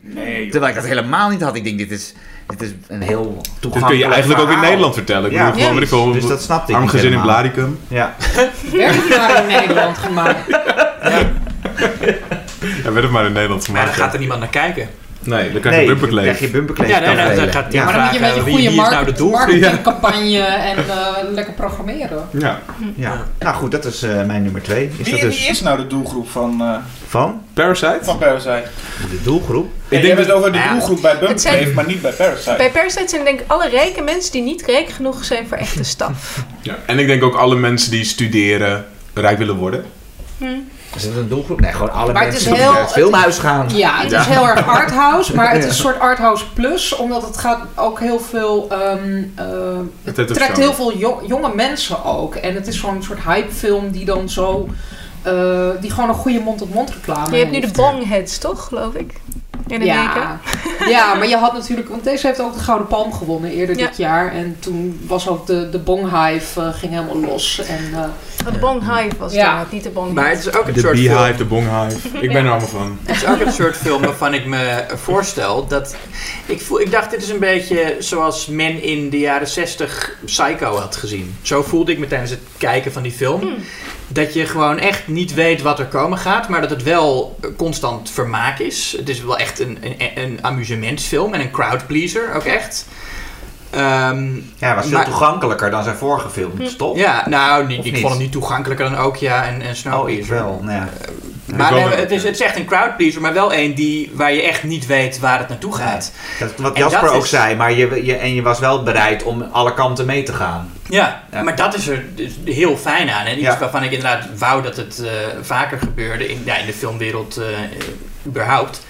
In Zuid-Korea zijn ze daar een stuk beter in dan in de meeste Mm. landen. Ehm, maar, echt, maar dat, ja, toch dat Hitchcock-gevoel krijg ik er echt Ja. bij. Nou, wat wat ga jij straks nog vertellen als je aan de beurt bent voor? Ja, waar. niks.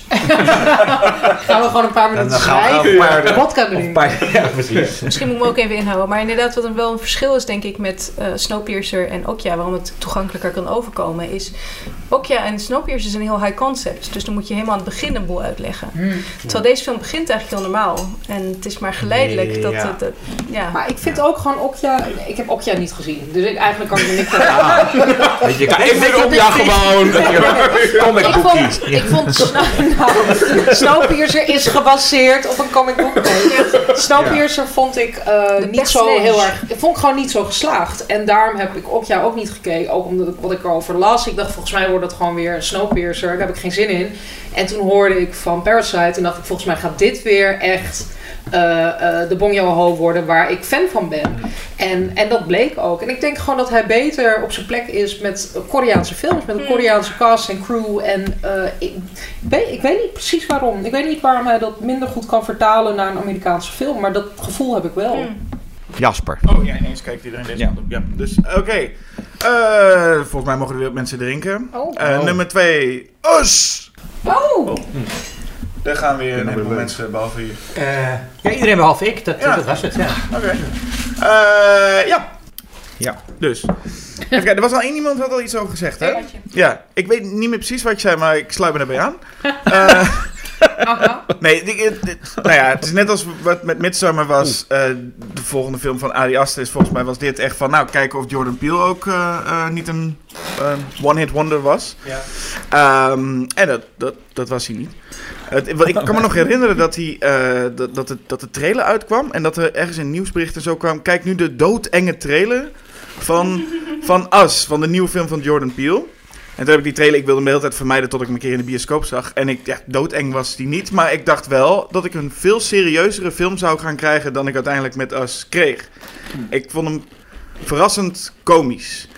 En eigenlijk verder is al, kun je alles ook opplakken wat ook bij Parasite was. Hij is, hij is gewoon stilistisch, hij is goed gemaakt. Een geweldige rol van, eigenlijk van Lupita Nyong'e, die dus eigenlijk een heel goed jaar heeft, sowieso.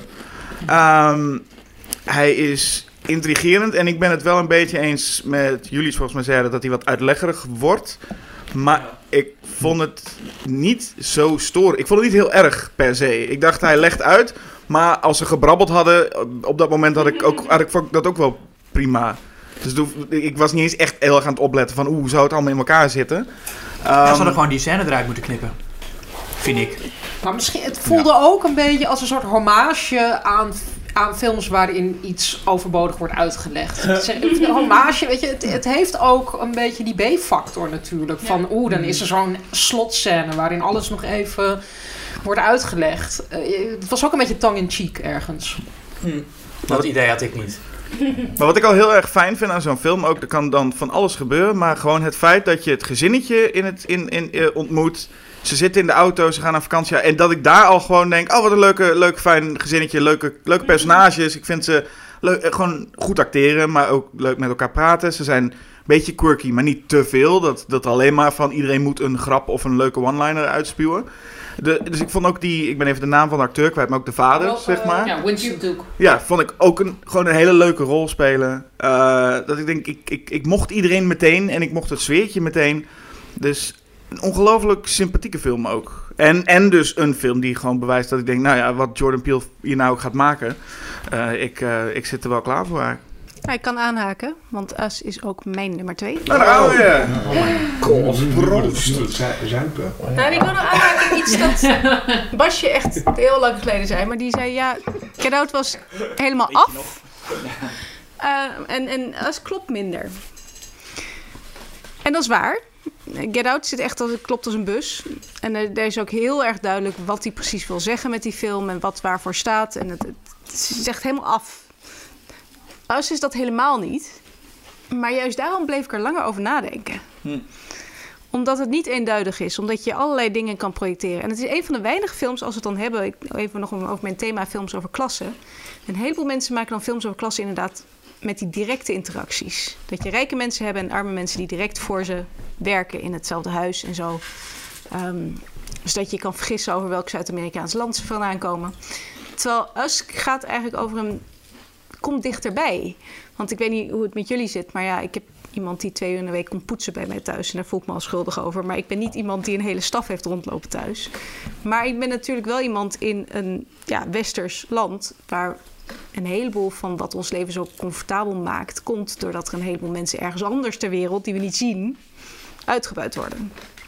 En ik vind dat Us op die manier, zelfs al klopt het voor geen meter en waar komen al die konijnen vandaan. Maar ik vond dat het in dat opzicht wel heel erg bijbleef ook. Omdat het inderdaad eh, heel erg gaat over het pure geluk van word je boven of onder geboren, zeg maar. Eh, woon je in de tunnels of eh, heb je een leuk vakantiehuisje waar je met je leuke gezinnetje naartoe kan. En eh, ja, ik weet niet. En, en, en het is ook dit is nou geen film met een optimistisch einde. Of in ieder geval niet dat je op enige manier optimistisch kan interpreteren, volgens mij.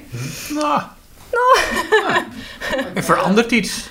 Ja, er verandert iets. Ja, ja. En, en ja, we moeten nog maar kijken hoe, dat, hoe, hoe, het, hoe het verder gaat na die grote verandering, is de vraag. Maar Maar binnenin de auto gebeurt wel nog een soort, is nog een soort nare knipoog. ja, dat is Ja. waar. Ja.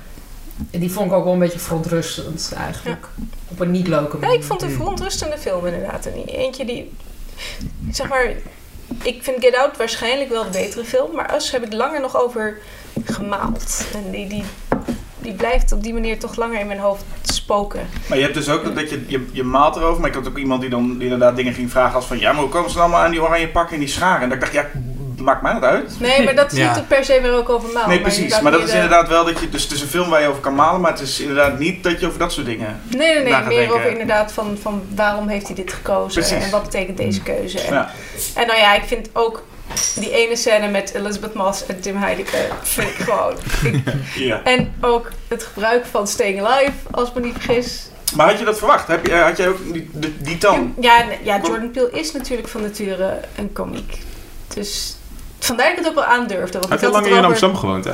Bij Boom Chicago heeft hij heel lang gezeten. Ik heb hem volgens mij daar gezien. Ik heb hem dus ook nog een keer gezien. Denk hè? ik. Want Ja. ik heb in de tijd dat hij er zat, heb ik Boom Chicago twee of drie keer gezien. Ja, van die ensemble want zit het, je dan, eh, Ja, ja, ja. ja. Maar- Hij, houdt, hij houdt heel erg van Amsterdam. Blijft. Oh, dat is Leuk! nummer We hebben allemaal nummer 1. As. Nee, maar ik, ik Jordan, als hoop, je luistert, eens, Nederland. ik langs. hoop dus dat hij in zijn werk een beetje rommelig blijft durven zijn. Nou ja, wat... Sorry, ik heb het idee dat ik elke keer zo heel irritant... mag, ja, maar hoor. ik... Ja, is een maar beetje is ik heb As niet gezien, maar wat ik ervan vind.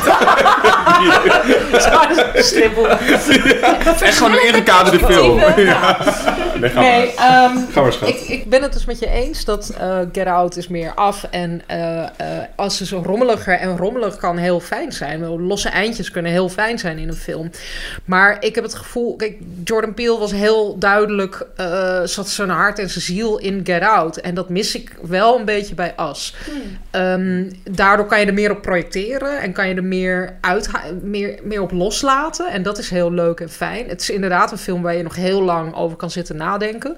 Maar ik vind het ook wel fijn als de maker weet wat het allemaal is. Of dat heel erg voelt op een bepaalde manier. En dat, dat kreeg ik niet zo mee uit As. Oké, En- nee, ik had wel het idee dat, het, ja, dat hij een heleboel dingen die, die hem boeien en waar hij over aan het malen is. Hm.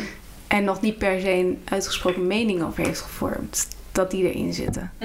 En ook, daar is ook wel interessant, Get Out gaat natuurlijk heel erg over rassenrelaties. En daar zijn zwarte mensen wel het slachtoffer eigenlijk, of degene die verzet komen. Maar Jordan Peele is ondertussen natuurlijk ook best rijk.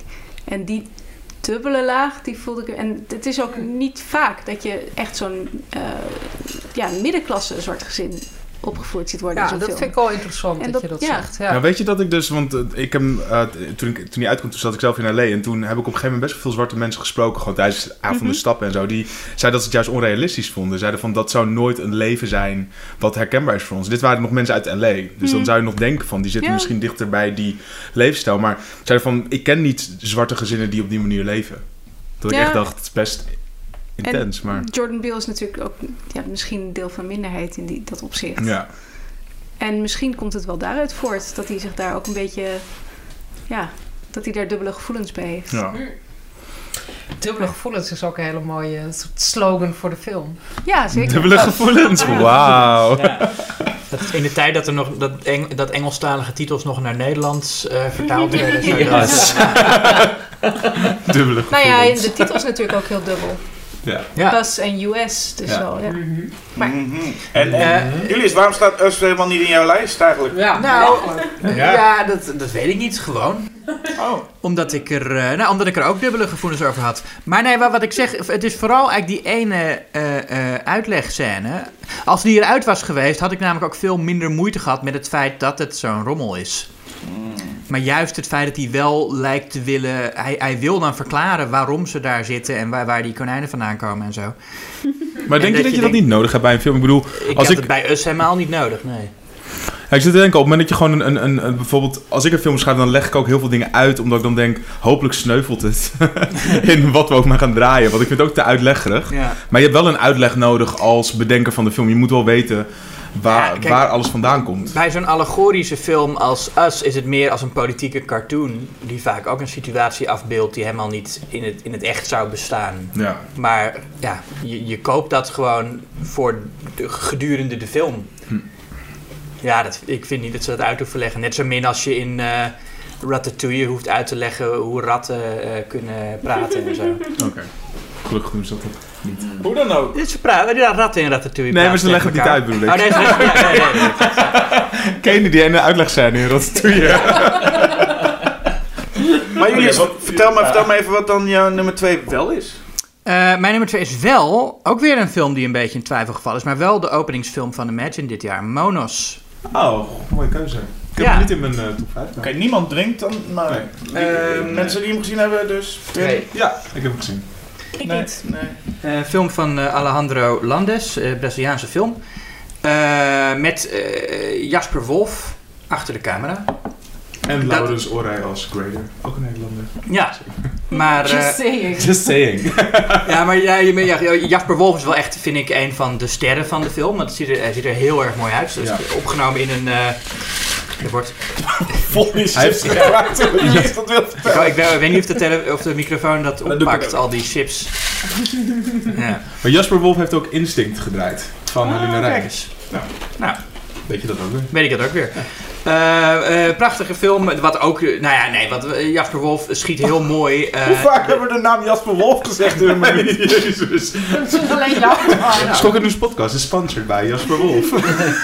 Hij is een familie van dit theateracteur waar, waar jij het over had. De, de wolf. Oh, ja, nee. Een hele andere tak. ik voelde een trend aankomen ergens. Sorry, ga Ehm, door. Ja, Jasper Wolf heeft heel mooi de, eh, het, het landschap geschoten waar het is opgenomen. Wat van nature natuurlijk al een mooi landschap is. Maar Jasper Wolf kan dat... Die filmt dat ook nog. Dit- nee, maar dat, Waar is die wel... film over gaat, Monos. Nee, wacht nou even. Ik ben nog bezig.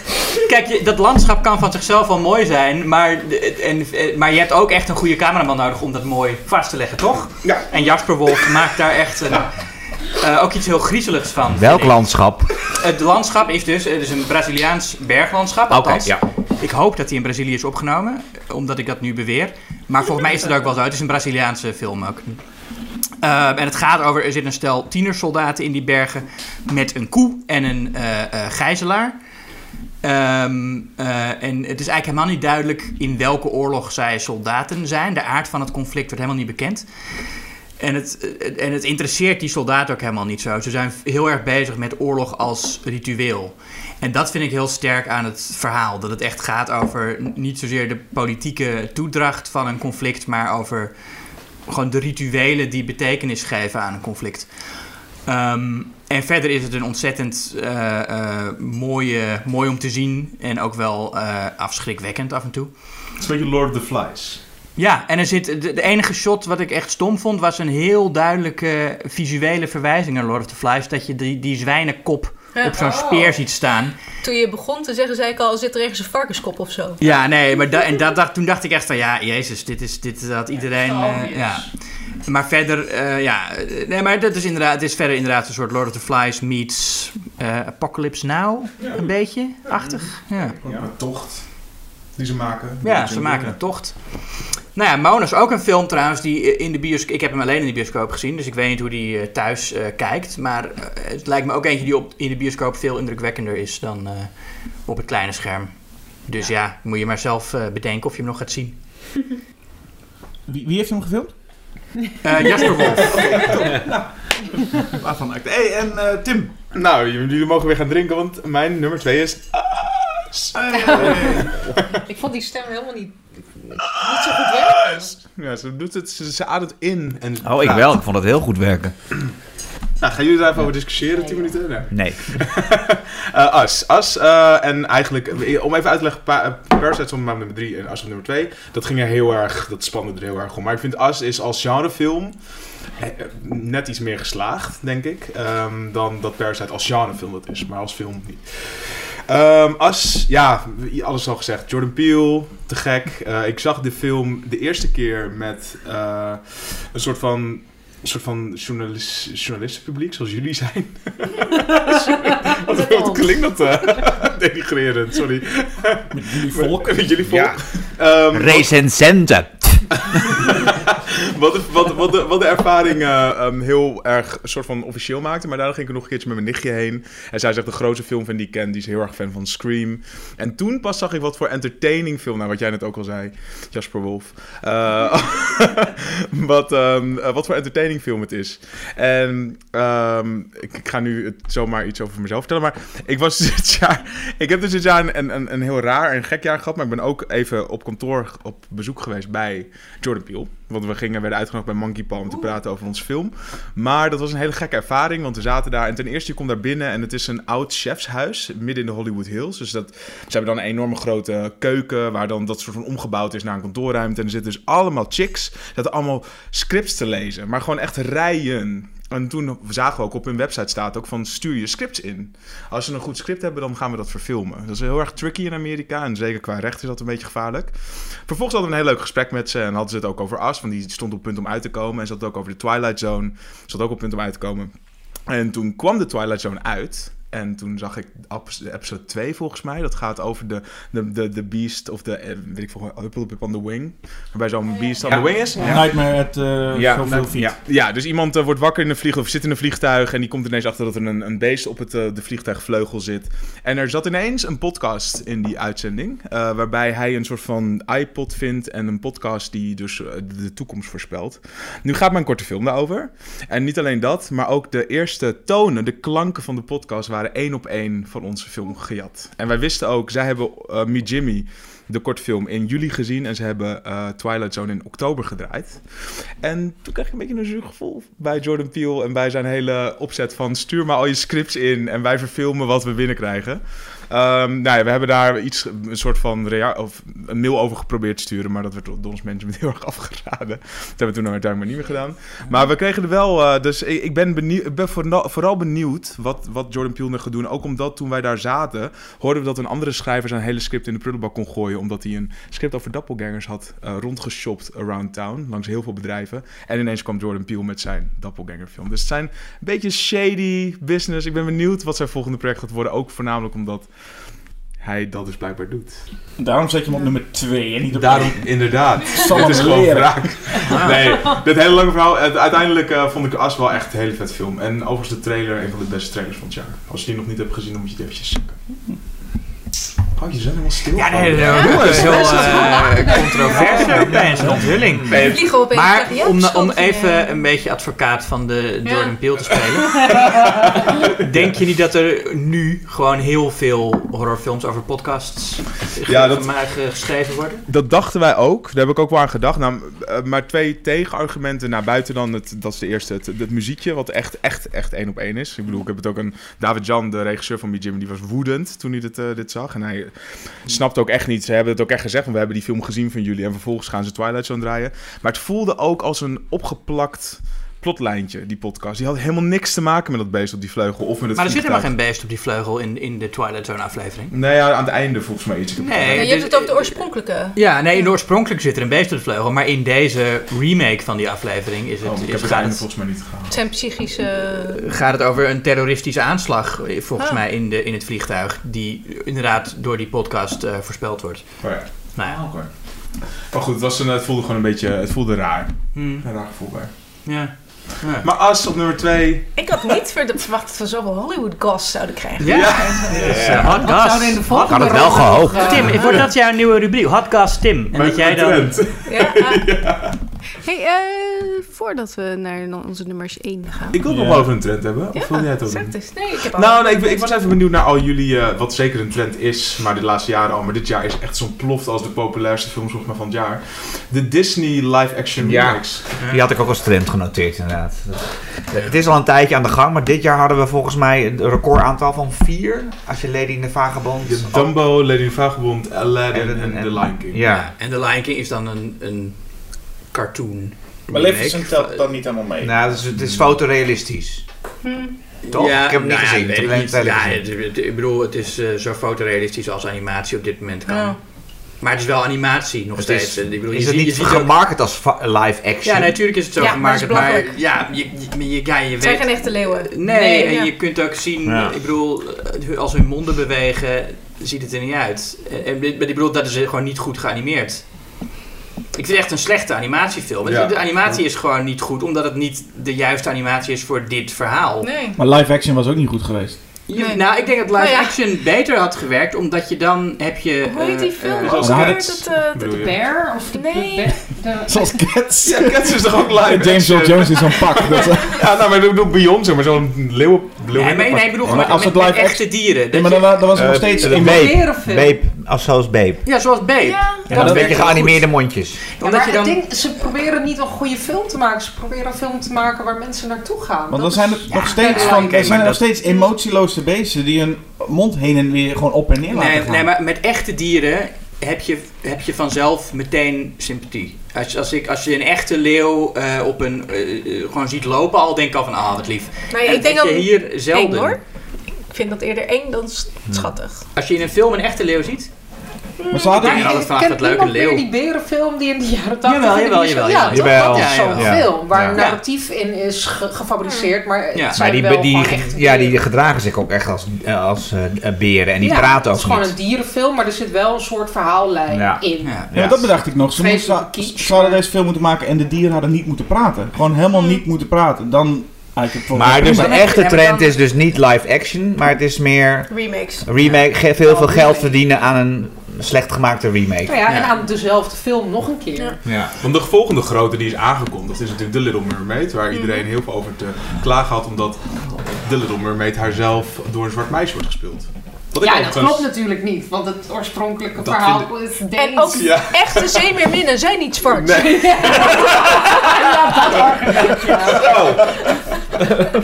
Ja, het was een erg interessante discussie. Maar ik bedoel, het is wel, het- je ziet wel hoe erg het leeft. Dus op het Ja. moment dat zo'n Little Mermaid uit gaat Ja. komen, er zijn echt fans die daar hartstikke snap woedend over worden. Het totaal niet. De enige die ik in de bioscoop heb gezien is Belle and Beast. Ja. En dat was voor een stukje. En nog had ik spijt. Hè? Waarom heb je alleen een stukje gezien? Nou ja, iemand had me gevraagd er iets over te schrijven. Dus je hebt niet Oh, dat is een. Oh, ik dacht dat je er vijf minuten van had Nee, nee, gezien. nee. het is wel... Het is wel, je er nou schrijven als je maar een stukje van hebt gezien? het is wel een van de weinige films... Meest, ik, het, het komt wel vaker voor dat ik heel erg nodig naar de wc moet tijdens de film. Maar ik doe dat over het algemeen niet. Want ik vind, je moet een film vooral in de bioscoop van begin tot einde zien. Bij Belle and Beast ben ik tussendoor naar de bioscoop, naar de wc Oh, geweest. ik, ik loop bijna met elke film die ik in de bioscoop zie. Nog weer de helft ik, gezien. Nee, grapje. Eh, maar ik vond uh, Dumbo vond ik nog veel erger overigens dan The Lion King dit jaar. Ja, ik heb Ik vond Dumbo de beste van de, van de drie eh, die er dit jaar Weet je wat ik- ik de Lady in the Tramp. Nou, Lady and the Tramp heb ik nog niet, nee, nee, die heb ik niet gezien. Maar nou, de Lady and the Tramp ga ik misschien ook nog wel kijken uit masochisme of zo. Maar Is dat, Maar weet, je wat, weet, je wat, weet je wat ook vooral erg is dan? Als je het nu zo zegt. Het is niet zozeer erg dat ze dat doen, maar dat Guy Ritchie en Tim Burton, ja. dat vind Ja. ik wel erg. Dat ja. Ja. Nou, was Tim Burton Favreau al een tijdje niet meer op zijn top. Ja, maar je gunt hem Nee, steeds wel weer een, een volgende goede film. Of Ja. ben jij al een Ja. tijdje klaar met hem? Ik ben al een tijdje. Oké, ja. Maar nu snap ik alweer wel het soort dat ik zo over de Little aan praat. Maar dat Rob Marshall die gaat eh, verfilmen. Dat snap ik wel wat meer. Die heeft Mary Poppins gedaan, heeft Die, Chicago eh, gedaan. ja. Dat is meer die- een musical guy. Oké, ja. Maar waar blijft die genderband versie van Splash met Channing Tatum als de merman? Die was ons toch beloofd Heb ooit? je dat gedroomd? Nee, dat was ons heel beloofd op een gegeven moment. Er zou ook een Barbie met Amy Schumer komen. Dat is ook niet gebeurd. Maar we hebben toch gewoon de Zeemeerman? ja, precies. Ja. Is dat niet genoeg? Moeten ze die opnieuw Ben there. Ja. Ja, die moeten ze opnieuw. ja. Nou ja, en ik, ik denk niet dat het hopeloos is. Want ik vond bijvoorbeeld de live-action remake van Aspoester... Ja. vond ik nog best iets hebben. De beste waarschijnlijk. Ik moet zeggen, ik vond Maleficent ook eh, een leuke film. En Maar als je dat is dus, wel origineel script, dat is wel Precies. iets anders. Ja, Ja. tuurlijk. tuurlijk. het is niet een paar grapjes toegevoegd. Ja. En eh, Mulan ben ik ook wel enigszins, nou ja, benieuwd is een groot woord, maar als de recensies daarvoor goed zijn, dan wil ik nog best gaan kijken. Eh, want dat probeert duidelijk ook echt wat nieuws te doen. Ja. En ik weet niet of jullie de video-essayist Lindsay Ellis kenden, Ja. Ik wel. maar die heeft een, een stuk gedaan over hoe inderdaad die Disney remakes een soort grapjes maken over sommige van de dingen die problematisch werden gevonden aan de oudere films. maar niks fundamenteels veranderen. Nee. Dat een beetje girl power wordt eraan toegevoegd en de racistische stukjes worden weggelaten, zoals bij Dumbo. Maar, Een vleugje Ja, maar het is toch Disney? Ik bedoel, wat verwacht je? Net als bij Frozen 2, dat iedereen zo teleurgesteld is dat Elsa niet eh, een, Nou ja, een lesbische liefde vindt. ik En ben niet teleurgesteld, maar ik ben dat ik wil er geen geld aan bijdragen. En het verbaast me eerlijk gezegd dat er zoveel mensen, inclusief mensen die ik ken en wel van wie ik de smaak over het algemeen wel respecteer, die dan toch zeggen: ja, maar het is toch leuk, The Lion King, maar dan het Ja, echt. dat vind ik vet. En- Maar ik was wel ja. heel blij dat mijn, eh, eh, mijn neefje van eh, 8 en nichtje van 11, die vonden ook allebei de, de originele Lion King eh, Die heb je beter. goed opgevoed. Ja, die zijn eh, heel goed bezig. Dus ze vroegen eerst aan mij, welke vind jij beter? Zei ja, te snel natuurlijk. Misschien dat, dat ze daarom ook wel zeiden van, nou, Je bent gewoon coole oom Julius. En je dat had moeten het. zeggen, dat moet je zelf bedenken. ja, had ik eigenlijk moeten zeggen, ja. Ken je Julius? oh, Ja, ja. Jongens, het Volgens mij is is het tijd voor de nummer 1. Basje, nummer 1. Parasite. Hey. Mag iedereen drinken, ja. Dat is een heel voorspelbare nummer 1. Daarom staat hij ook wel op nummer 1, omdat ik dacht, ja, als je het hebt over genrefilms. Voor mij is dit de genrefilm van het jaar. En ik, we hebben het. Nee, we hebben het veel over Parasite gehad net. En het werd, vaak ging het over. Het klopt heel erg. En, maar ook over verschillende genres. En net niet genre genoeg, hoorde ik iemand zeggen. En voor mij is het dus juist een film die verschillende genres combineert. Maar wel heel erg in wezen een, een genrefilm blijft. Dat klinkt een beetje gek, maar ik vind het, ja, ik vind het echt een genrefilm. Eh, Echt een schokkend nieuwsfilm, zeg maar. En het, het doet wel iets anders ook. En het gaat natuurlijk wel buiten. Ehm, ja, het is, het is een soort vreemde film ook, maar ook weer niet op een bepaalde manier. Het blijft ook wel heel erg.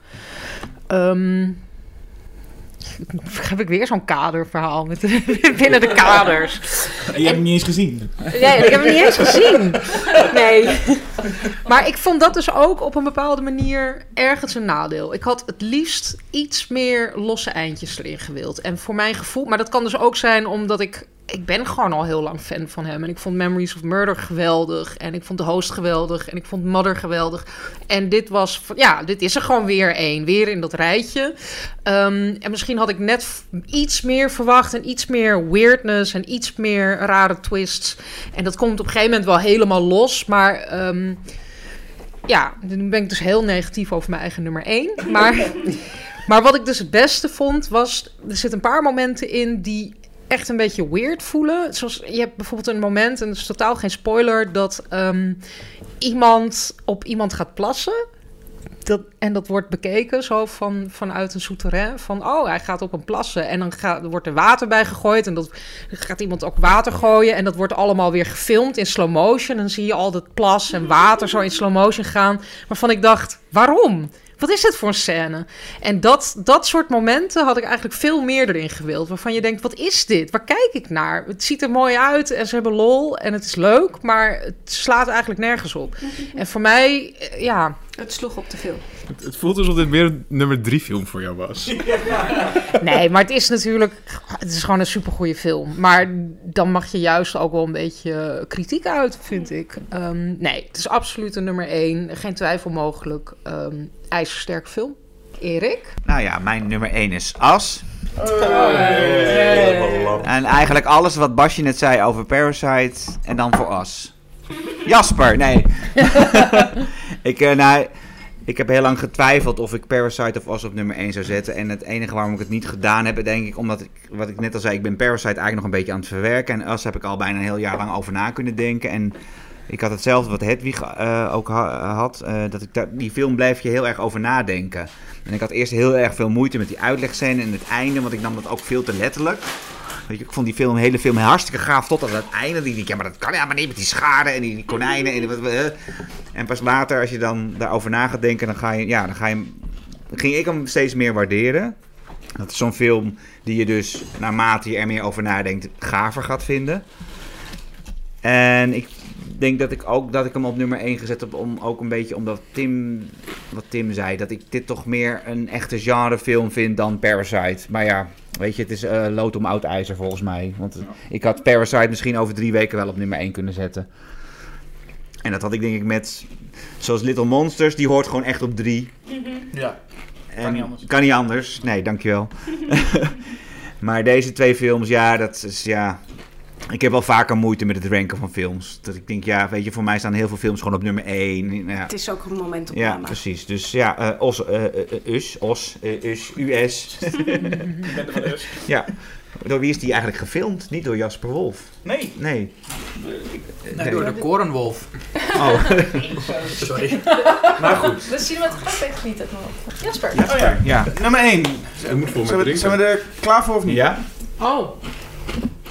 Nee, Ja. ik alleen, toch? Dat was de titel. Ready or not? Yay! Yay. Nummer 1. Eén Ja, op nummer 1 nog wel. Oh, ik hoef niet eens te drinken. Zo benieuwd hoe, hoe... Waarom? Neem toch Wat een slok hoor. Ik ben heel benieuwd waarom. Nou, er even bij. ik, ik hoorde heel, eigenlijk ging het best wel veel over Ready or Not. Ook al heeft nog maar één iemand anders hem in de, in de lijst staan. Maar, eh, en ik, noem, ik hoorde heel veel dingen als, als gewoon een beetje plat en een beetje komisch smaak. En dat, dat klopt, dat was het ook. Het is, en, maar ik heb me zo ontzettend vermaakt met die film. eh, dat het gewoon dat moest zijn. En ik weet het ook, wat, wat Erik ook net zei. Bij mij was nummer 1 en 2 wisselde ook steeds. Want. En As is ook een betere film. Parasite is ook een betere film. Ehm, maar ik had dit ook compleet niet zien aankomen. Het is een of andere horrorfilm die gemaakt is door de makers van Devil's Due of zoiets. Dat je echt denkt, ja, wat zal dit zijn? En dat zo'n film dan zo fun is. En ik moet toch, eh, sorry Hedwig, maar ik moet me echt bij kamp Tim aansluiten. Dat einde, ik zat de hele tijd te hopen van, oké, ga die kant op. Ja, doe maar, ga maar, doe maar. En toen deden ze het en toen dacht ik, yes, dank je wel. Dat is echt, wat was ik zo aan toe, dat ze dat even gingen doen. Ja, daar was ik ook aan toe, dat ze denk ik. In horror, ben- even binnen horror was ik daar aan toe. Dat Ja, snap ik. Ja. Ik was, en dat was voor de hele film zo. En, en eh, Samara Weaving is echt is fantastisch. Ik vond haar in Mayhem vond ik haar al geweldig. Ik heb Eh, hem niet gezien, nee, denk ik. Mayhem, film van Joe Lynch, is ook gewoon heel lekker over de top. En zij speelt er ook een ontzettend leuke rol. En hier, ze, ze heeft een beetje een soort van Margot Robbie uit, uitstraling. Maar ze is zo ontzettend goed en zo ontzettend leuk. En ik vond die hele film, ook die, die, die, die, die oma, wat we net zeiden. Die oma eh, bij, Nou, bij- tante technisch gezien. of tante, of nee, in ieder geval dat vrouwtje, was zo, zo cartoonesk dat ik inderdaad, leek af en toe alsof ze echt gewoon een tekenfilmfiguur werd, waar haar wenkbrauwen gewoon boven haar hoofd gingen vliegen. En ik dacht, dit is zo leuk, Hier, ook daar was ik aan toe.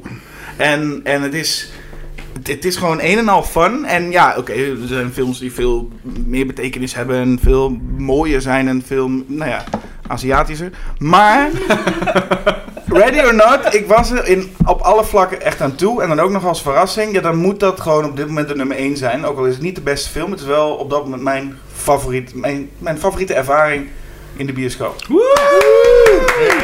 Dat ook echt. Mooie speech, Jasper. Dankjewel. Ja. Hedwig. Ja, nu mag iedereen zijn mok weer pakken. Hey. Want ik heb Parasite wel op één gezet. Saai. En een beetje saai Aziatisch. en Aziatisch. Ja, maar ehm, ik zal vertellen hoe het komt. Want het is inderdaad een momentopname. En ik heb pas in de trein hier naartoe echt een laatste klap gegeven. Maar- Oh, ik heb het schijnt in de toon gezien. Nee. nee, maar Oh, je Dit is hem, ja. jij had het erover dat je direct nadat je hem had gezien hem zo, al zo goed vond. Dat had ik niet. Ik kwam eruit en ik dacht, ik denk dat ik dit heel goed vind. Maar ik moet er even over nadenken. Maar wat uiteindelijk tot deze beslissing heeft geleid... is eigenlijk dat gisteren bij de lunch op werk... een collega het had over de zwerver die altijd bij haar Albert Heijn zit... en dat die zo stinkt. En toen dacht ik... ja, oké, Parasite moet op één. En dat snap je als je die film hebt gezien. Eh, verder heb ik er niet zo heel veel eh, meer aan toe te voegen boven wat er al eh, gezegd is. Ik, ik vind vooral waar ik van hou, is dat het klinkt nu altijd als zo arthouse, alsof het allemaal heel serieus is. En zijn er met die, dat plassen, dat, dat ontkracht het al een beetje. En wat ik zo leuk vind aan Bong Joon-ho is de- in de allereerste scène zo'n beetje komt er iemand met een hele grote steen die cadeau gegeven wordt aan het arme gezin. En dan zeggen ze: "Oh, dit is zo metaforisch." En to- op dat moment was ik eigenlijk al verkocht. Want als dat met zo'n knipoog kan, maar je kan het ook nog waarmaken. En vooral hoe hij dus inderdaad... Ik, ik zei, het is een film over trappen. Dat maakt, het was niet helemaal een grap. Het gaat ook wel heel erg over de, ja, hoe dat huis in elkaar zit. En, en nou ja, upstairs, downstairs natuurlijk ook heel, heel letterlijk. En eh, ja, nou, ik, ik schaar me bij jullie allemaal. Het is gewoon een hele goede film en een hele goede genrefilm. Nou, jullie is ook op nummer 1. En Tim, wat vind jij? Ja, nee, ik, eh, nee, ik, ik wil eigenlijk ruilen voor Joker. Nee. Eh, ehm, ja, nou ja, goed, ik sluit me inderdaad aan bij alles wat gezegd is. Het is... eh, Wacht even, Maar wat is nummer 1? wacht. ja, ja, ja, ja, Ready or not? Even Nee, afgeschillen. Parasite. Oh, Oh, Oh, ja. moeten wij. Oh, dan bij Ik heb dorst. Dorst, ja. Helemaal het ritueel vergeten. En hij drinkt zelf ook. Ja, nou ja. ja.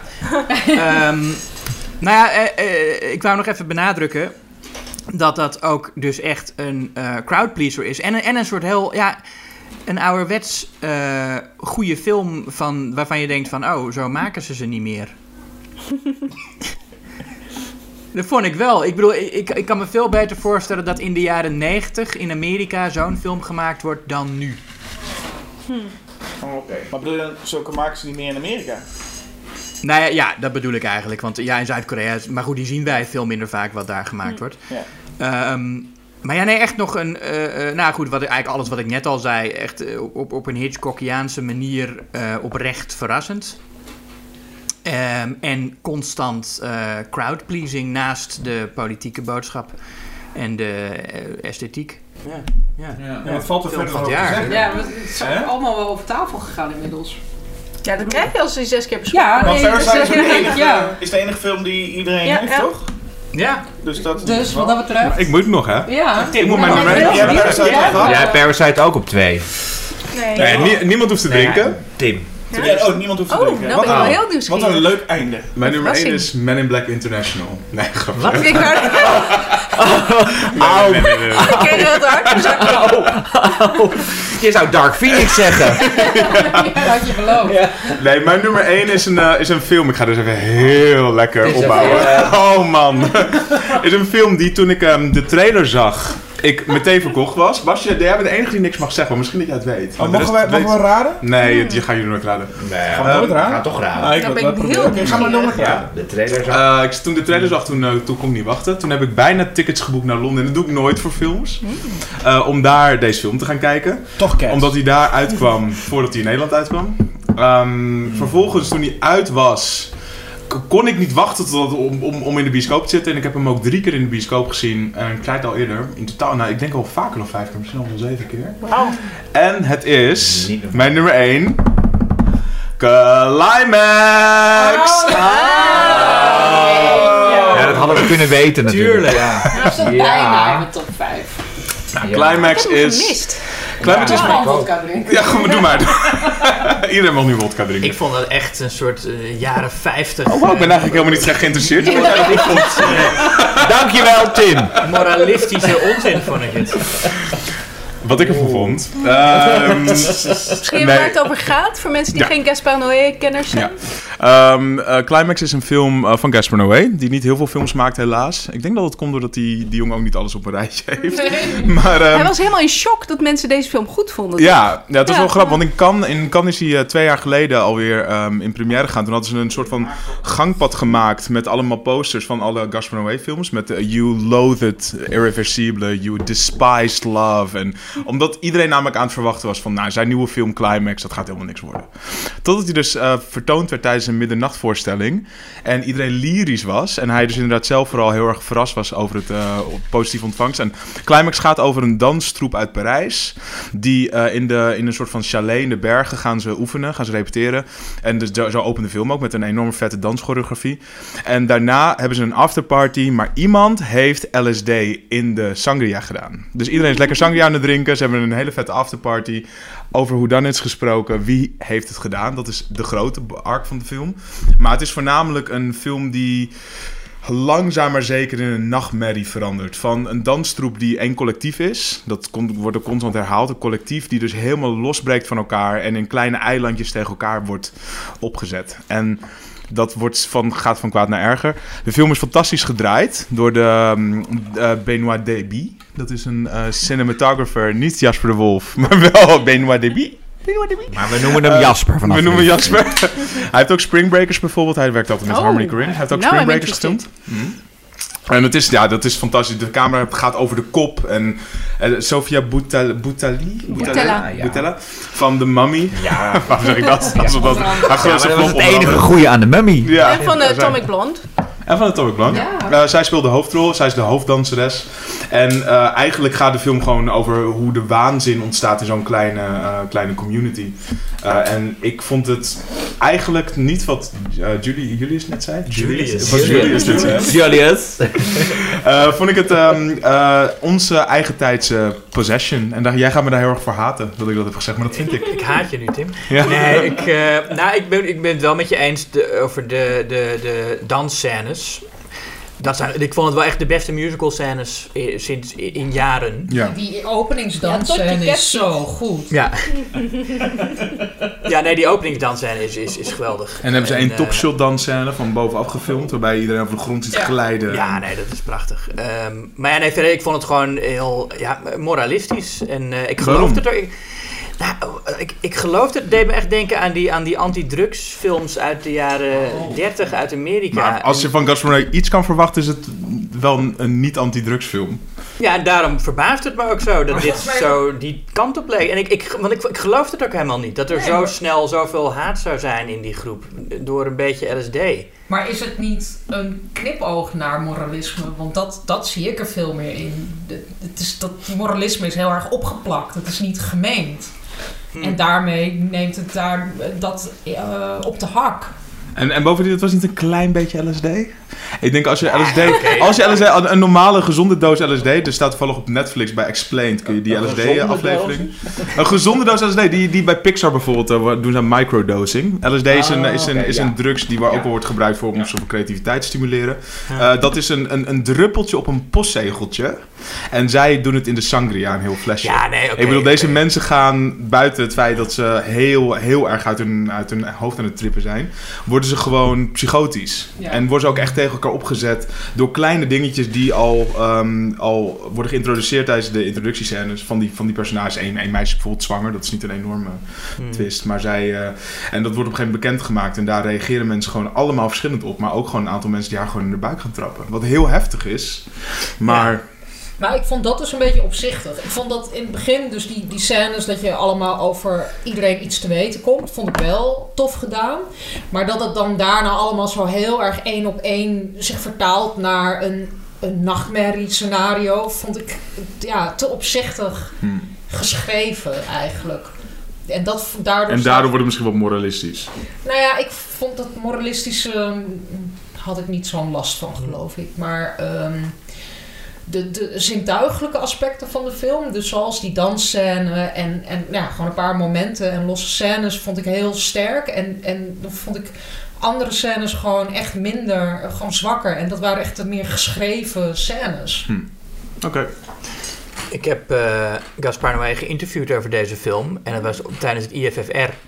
En toen hadden ze tegen mij gezegd... hij zit in het Hilton. En toen had ik met mijn domme Amsterdamse hoofd... was ik gewoon naar het Hilton Amsterdam gefietst. ja.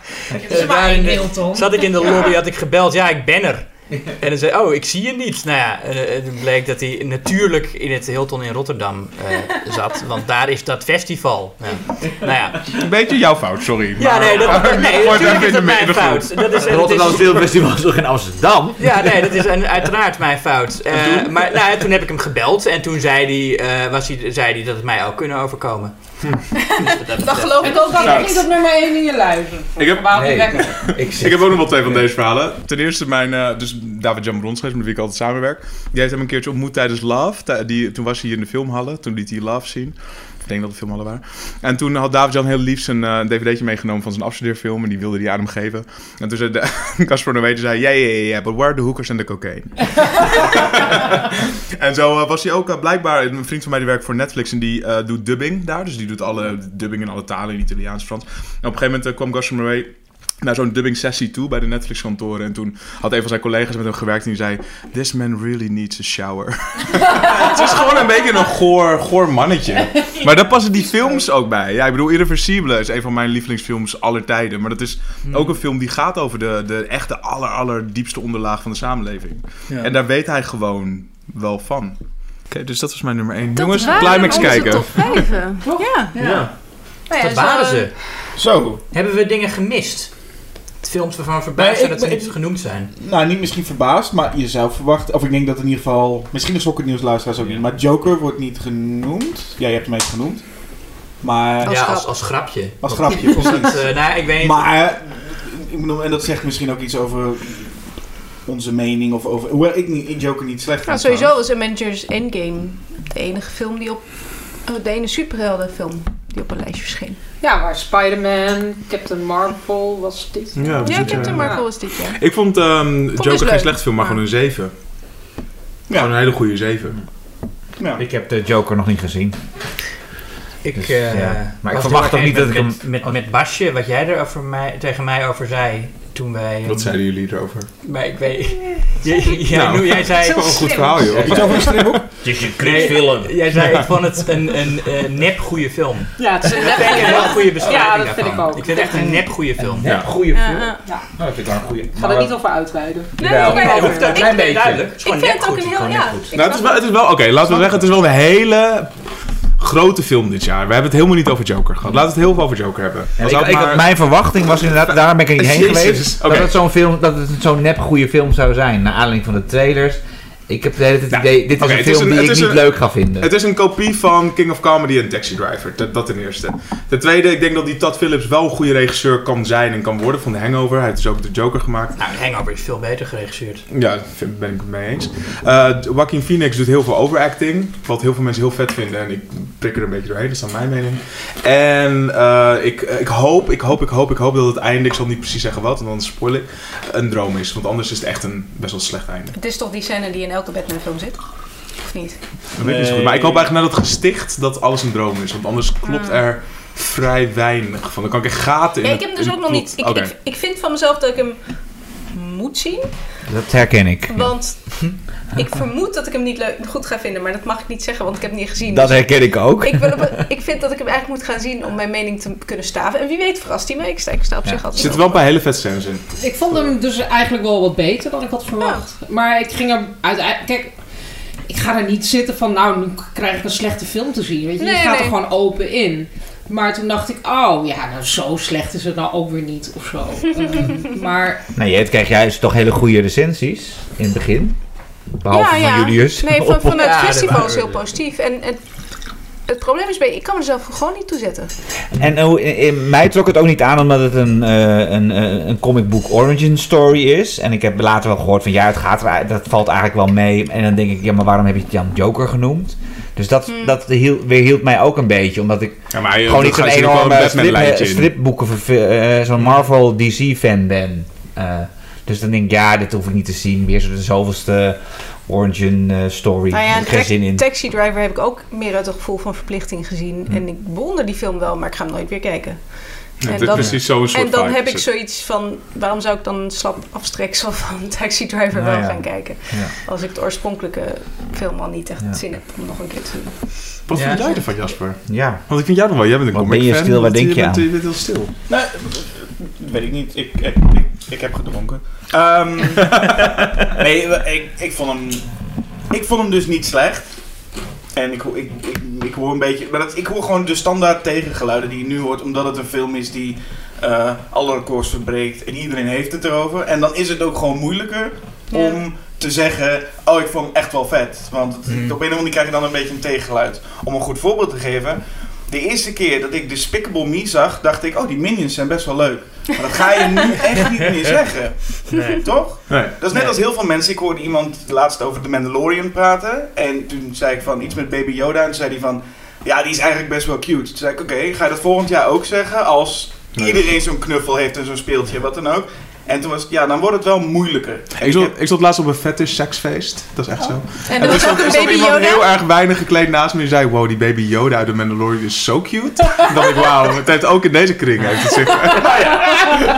Ik bedoel maar. ik dacht dat het alleen op Twitter bestond. eh, Ja, ik, Deze Discord. ik denk dat Joker over een jaar of tien eh, heel grappig gaat zijn. Ik denk dat we het Ja, heel... omdat het zo'n... Het is, ook, het is echt een heel film van nu. domme film ook. Met heel veel scènes die...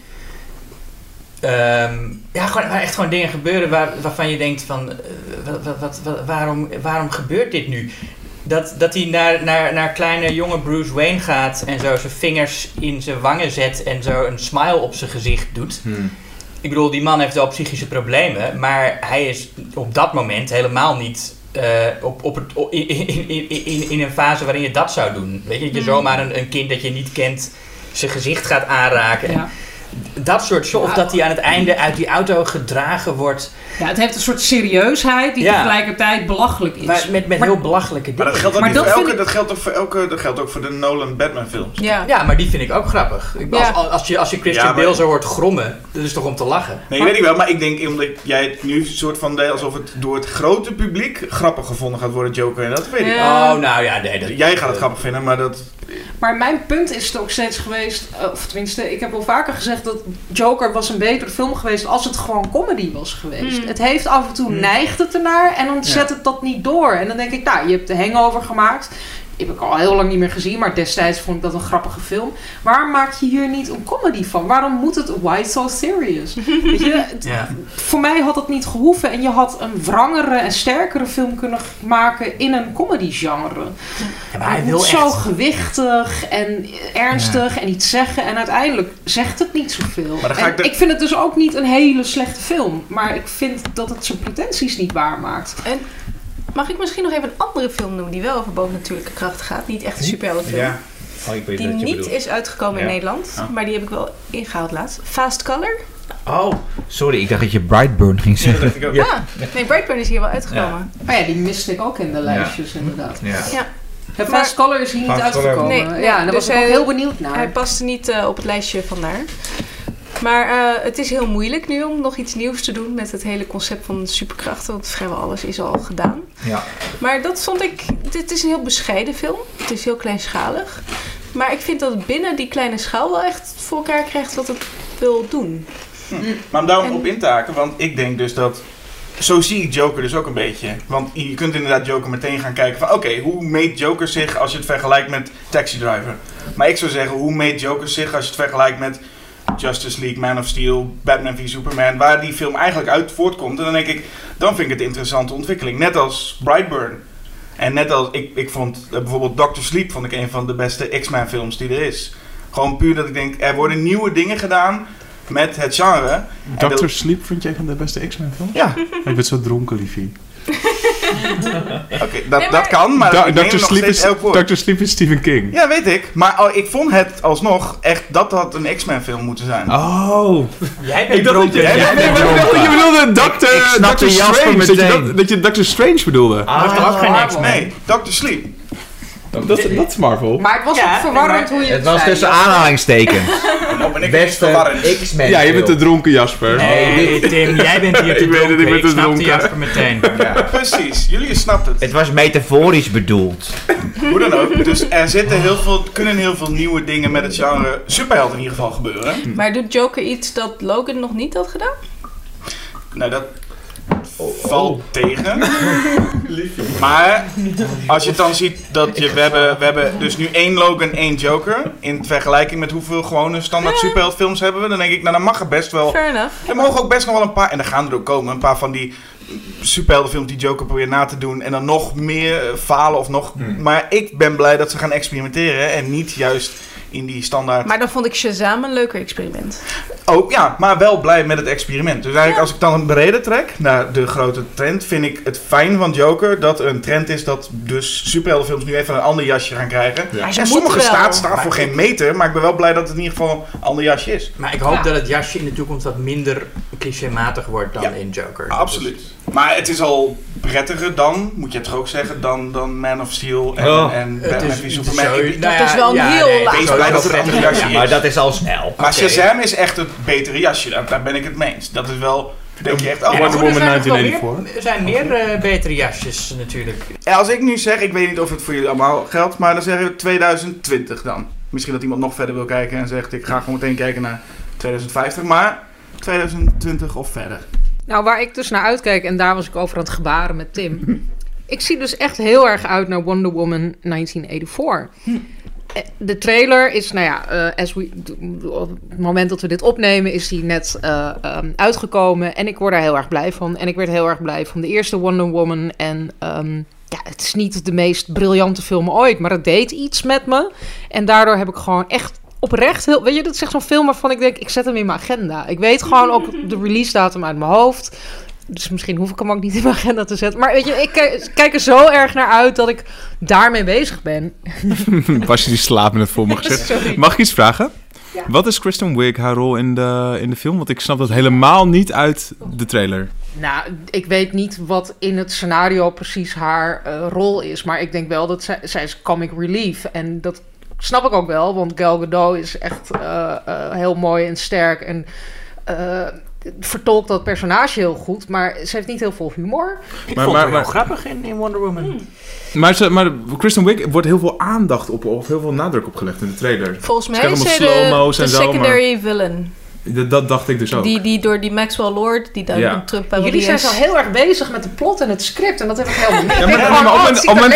Op het moment dat een best wel bekende actrice zoals Kristen Wiig een slow-mo krijgt als het van een trap afloopt in een trailer, gewoon uit het niks, dan denk ik, Maar wat is hier aan de hand? Ja, maar dan is zo hot hier geworden. Net als in alle jaren 80 films. Toch? Ze heeft een makeover Ja. gehad. Ah, ze is de Bond girl. Maar vond jij... eh, Nee, ze is inderdaad- niet, eh, als vis uit het water? Ja, dat, daar klopt. Maar in het, dat is waar. Ja, daar heb je helemaal gelijk in. Maar ik vind haar in het echt, zeg maar, als je haar bij de Oscars of zo, dan gaat ze grapjes proberen te maken. En dan Oh, is ja. het altijd zo'n soort pijnlijk. Maar inderdaad, in Wonder Woman was ze wel heel grappig. Dat vond je, ik, vond, ik, eh, ik vond die trailer ook leuk, maar ik, vond- ik was ook wel een beetje klaar met die jaren tachtig sfeer. Ik, ik had wel een beetje zoiets van, oh, daar golf komt, is wel een daar beetje... komt DC weer achter de meute aan. Ja. Het was misschien een beetje, is het misschien een beetje naaf gemeen.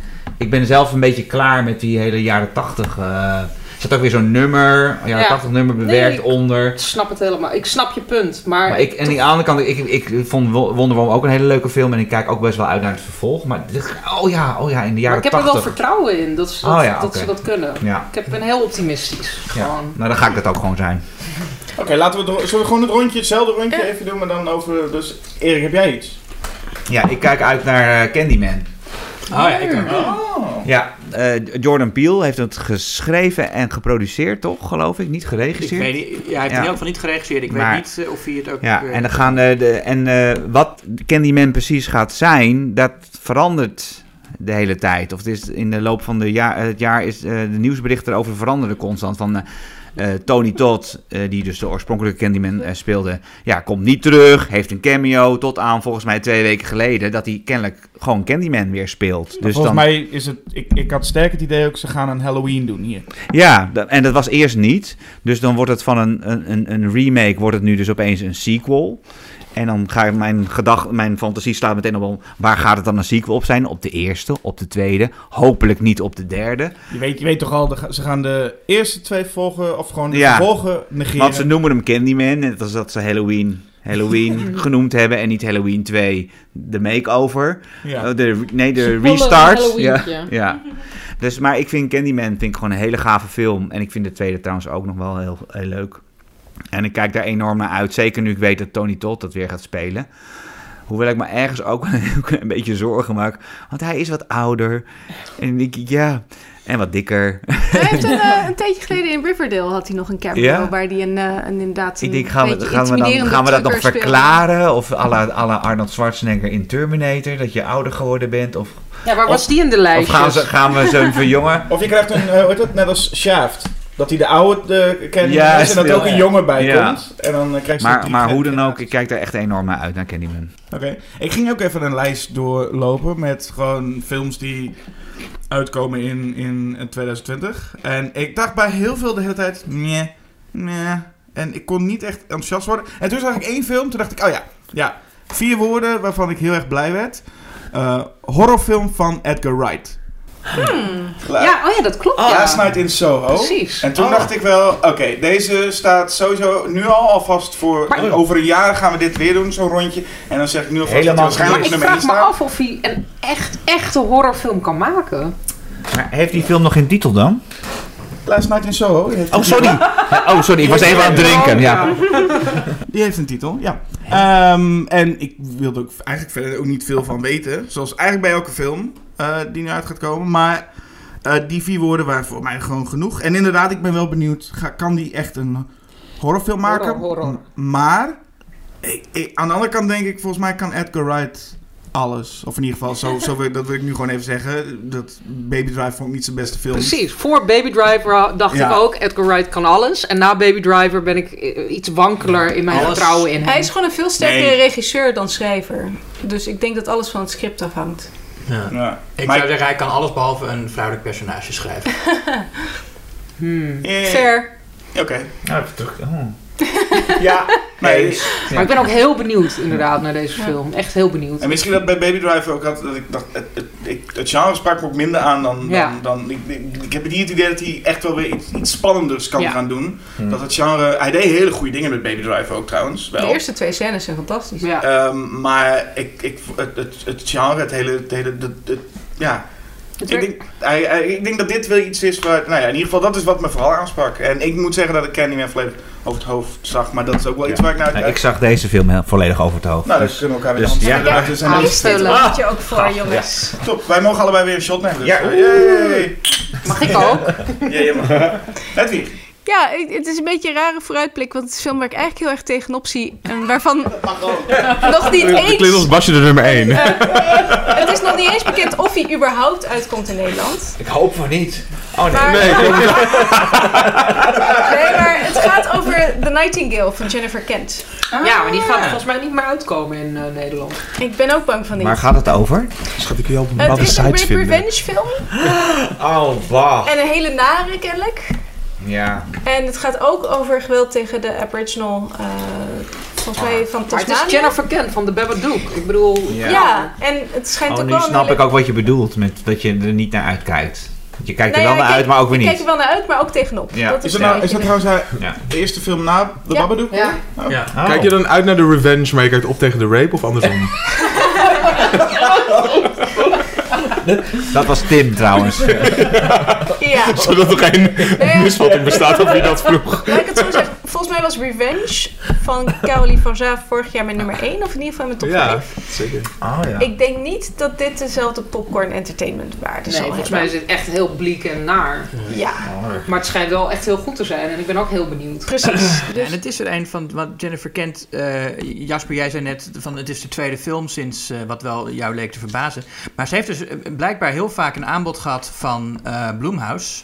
Ja. En telkens nee gezegd. Dus het lijkt ook wel dat dit echt iets is waar ze. Ja. dat ze echt wilde Echt hard maken. aan- ja. ja. Ja.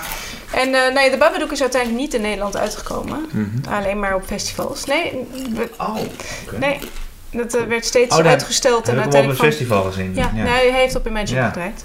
En eh, daar is uiteindelijk van uitstel afstel gekomen. Deze is nog niet eens aangekondigd. Maar ik- ja, Maar het is ook een film, ik bedoel, welke distributeur wil dat uitbrengen? Wie gaat erheen? Echt een heel klein clubje Ja, geen idee, mensen. ja. Maar weet iemand dat? Want ik, Jennifer Kent heeft natuurlijk met The Babadook... Ik, heb, ik hoor die film nu steeds ook terugkomen. En het is een hele goede film. Maar Davy heeft die film het goed gedaan. Of in, is Jennifer Kent echt een grote naam met al Het die een Volgens mij is een cultfilm. cultfavoriet. Ik En bedoel, het heeft geen groot publiek bereikt, maar de mensen die de film heeft bereikt zijn wel fan.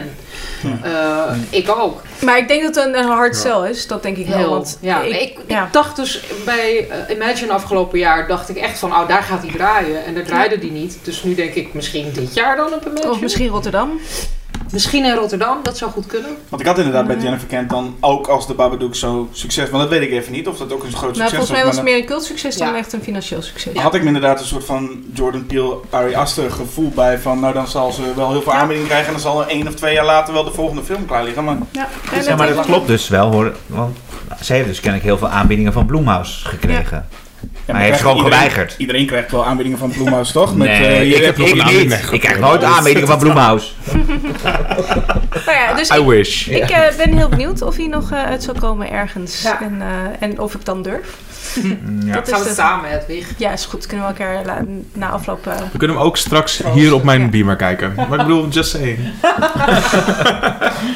Julius. Ehm, ja, nou ja, ik- de drie films die jullie noemen, heb ik, kijk ook erg naar uit. Eh, en dan eh eh eh, The Drie. Lighthouse. Wel, welke niet? Nee, de drie Ja. die we net gehoord hebben. Van, De Wonder Woman niet zeker. Oh nee, Lekker mee, Julius. nee de drie laatst genoemde films. Nee, Wonder Woman, nee, daar ga ik ook wel naartoe hoor. Lijkt me ook een leuke. Maar The Lighthouse ben ik ook heel benieuwd naar. Ja, The Lighthouse van Robert Eggers, die Oh ja. The Witch heeft gemaakt. Ditmaal weer met, eh, nou, een van mijn favoriete, of nee, twee van mijn favoriete acteurs eigenlijk. Robert Pattinson en eh, Willem Dafoe. Ehm, in, een, in, een, in een vuurtoren. En ook een film waar ik zo erg naar uitkijk. Dat ik er eigenlijk heel weinig over heb eh, opgezocht. Maar Zwart- ik vermoed wel dat als je op zoek bent naar penissen, dat hier Ja. de De kans kans misschien het hoogst Wiens. is van de films die we net... eh, Wiens, wiens penis hebben we het hier over? Penis De vuurtoren. Hallo. Ja. Ik ben erbij. Metaforische penis. samen. ja. Sorry. Ja. Maar waar ik, en wat, wat ook nog, ik had ook nog een soort, eh, eh, ja, ik kan, kan verder niks over vertellen, want ik weet er helemaal niks, ik heb er niks over opgezocht en alle trailers vermeden, dus Nou, ik zwart-wit, weet verder niet. toch? Hij is in zwart-wit En een En ze bijzonder erg beeldformaat. van die piratentaal de hele tijd. en ze toch? praten in Ja. piratentaal. Ja. Arr. Wat, wat- is het beeldformaat, eh, Erik dan? Bijzonder. Afwijken. Ja, vierkant geloof ik. 4 bij 3 denk ik, toch? Nou, vierkant. Of in ieder geval niet, niet, eh, niet landscape. Vier bij niet niet eh, breedbeeld. Niet Ja. cinemascope. Niet IMAX. niet 3D. En wat ik verder eh, voor, voor eh, de jaren 20 in het algemeen als, eh, als trend wil voorspellen. Het loopt vaak heel slecht af als ik dingen ga voorspellen. Maar, eh, Als in dat het uitkomt of dat het niet uitkomt? Dat, dat, me- de meeste van mij, nou ik weet niet. Ik ga heel veel films uit de jaren 20 worden geremake, dus ze komen allemaal niet uit. Nou ja, gewoon mee, we hebben niks met jullie dus te maken. ik denk, Jasper Wolf. Ja. ik denk eh, nog meer, of nee, ja, nog meer het einde van, van Middlebrow en van zeg maar midden, zeg, middenbudgetfilms. Oh, Oh, Ja, ook zijn, omdat, nou zijn ja, er al bijna niet We zitten Ja. natuurlijk een beetje in het, omdat we nu in het awardseizoen zitten, nu we dit opnemen, en ook nu het uitkomt trouwens, eh, zit ik meer te denken van, goh, eh, die Oscars en die Golden Globes, en dat wordt steeds slechter gekeken, en daar is volgens mij ook geen oplossing voor. Dat gaat gewoon binnenkort veel minder toe doen dan het er nu al toe doet. Waardoor dat soort films ook eh, veel minder gemaakt worden. En aan de ene kant vind ik dat eh, een goede zaak, want wat heb je nou aan een Bohemian Rhapsody of een Green Book? Aan de andere kant eh, is het jammer dat je dan ook eh, een film als eh, Silence of the Lambs eh, zult moeten missen.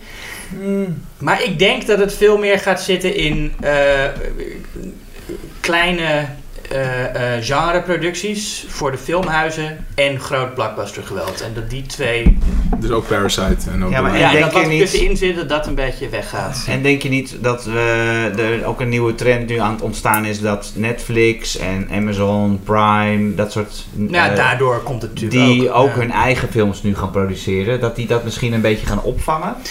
Nou ja, wat ik dan... Want die ik- geven best wel veel, volgens mij veel geld aan eh, regisseurs en zeggen: maak maar wat je wil. Ja, maar wat ik dan zou missen is dan echt die, die bioscoopervaring. Ik wil echt naar de bioscoop en, en in iemand anders wereld zitten. Maar goed, dat doet Netflix. Die heeft net twee films Ja. eh, Ja, die doen ook niet die dan ook ja. klein te zien, ook zelfs in Nederland in de bioscoop te Ja. zien zijn. En die combinatie.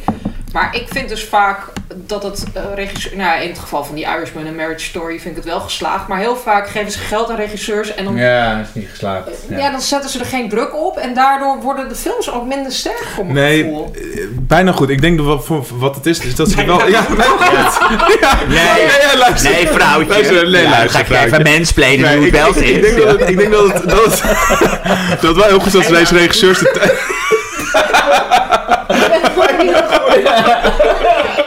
Basje wordt ruw de microfoon ontnomen. Eh, dat was er goed aan. Zei. Nou, wat ik heel goed vind is dat ze inderdaad de kans geven aan Scorsese en Noah Baumbach om hun films te maken en de lengte die ze zelf willen. Ik denk dat ze aan heel veel andere regisseurs eh, wel het geld geven en de kans, maar niet de tijd. En ik denk dat de, de, de, de, de rise van al die streamingplatformen heel positief is, want we krijgen veel meer content. Maar al die content moet ook binnen kortere tijd worden geproduceerd en daardoor... Ja, Content, ja. content. Ja. En, en die film... Die, die films, die films of content of series, die worden allemaal ineens, dat moet allemaal binnen vijf, zes maanden af zijn. En daardoor gaat de kwaliteit verloren. Maar die Irishman had dat niet. Want Nee, ik denk dus wel bij Scorsese, Ja. dat is een regisseur die van zo'n Ja. kwaliteit is en van zo'n statuur. statuur is dat hij dus kan afdwingen. Ik neem lekker mijn tijd en thanks hiervoor. En dan krijgen we ook de Irishman terug, hè, waar we het laatste half uur had hij nooit met een studio of met een Nee, producent nee, kunnen maken. Scorsese is echt, dat is het soort regisseur dat echt beter af is op dit moment met Netflix dan met een studio. Ja. Ik bedoel, zijn vorige film Silence had hij ook niet Die bij studio gemaakt, maar Ja. shit. Niet Ja, maar die, is, die is enorm eh Geflopt. Of nou, ik weet, ik hij of het, enorm eh, geflopt, maar het was niet succesvol. Nee, vandaar dat hij ook de financiering niet bij elkaar kreeg voor Ja. The Irishman. Maar dat middensegment, wat we net hadden over Blumhouse, die maken juist allemaal middensegment Ja, maar dat zijn films. genrefilms. En dat, ik denk dat dat nog wel een tijdje blijft. Dat hoop ik ook. Want dat zijn ook wel films waarvan heel veel mensen het leuk vinden om ze met een publiek Maar in dat, is dat zijn ja, eigenlijk een beetje low budget. Het gaat er ook niet verder dan, een, dan Tot 5 2, 3 miljoen miljoen. meestal. Ja, Maar dat is, maar dat is inmiddels juist wel... low. Dat is, juist is niet midden. is toch 50 miljoen of zo? Ja, Ja, het maar is juist 20 of zo. Die verdwijnen heel erg. En dat, Ja, nou, dat is al aan de gang. Maar Ja, ik, denk, ik denk dat nog, nog, nog dat heel veel En de verder films, de Blumhouse films die jullie zien, dat is ongeveer 50% van wat ze echt aankopen en financieren. De, de andere 50% wordt gewoon niks. Is gewoon, wordt niet eens uitgebracht. Of, ze hebben een hele grote foutmarge. Bij, waarbij films gewoon echt niet het- de, de daglicht zien. Omdat ze Ah. En dan zie je ook nog eens films als The Invisible Man, de nieuwe Blumhouse film of Fantasy Daar Island. ben ik best wel benieuwd Nee, nee, nee, maar dat zijn, dat zijn films, dat zijn films waarbij, waarbij ik nu al wel zie, ze zijn gewoon een soort van formule aan het Ja. volgen. En de hele trailer zit vol met eigenlijk alle beelden van de hele film. Dus ik, ik, hoop, ik hoop dat het goede films worden. Maar het is inderdaad de vraag wat je bij middensegment... Want ik bedoel, ja, Ja. oké, 50 miljoen kan een middensegment zijn. Maar je hebt voor heel veel makers moeten doen met minder dan een miljoen, vaak. Ja.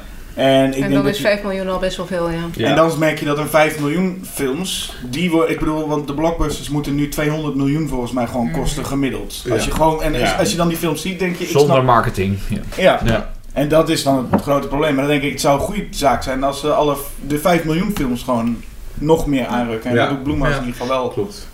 En Tim, is de film waarnaar je uitkijkt, is dat zo'n 5 miljoen film? Of, eh? Ah, dankjewel voor dit bruggetje. Nou, twee films die, waar ik wel naar uitkijk, maar niet genoeg te als mijn nummer 1, zijn wel van die 5 miljoen films. Namelijk A Quiet Place 2 en Halloween Kills. Ja, die A Quiet Place 2 had ik ook eh, op mijn Die komt in staan. maart al Ja. uit en Halloween Ja. met Halloween. Halloween Kills. Blijkbaar gaan ze van Halloween een hele trilogie maken. Dus dit wordt Ja. de tweede uit de trilogie.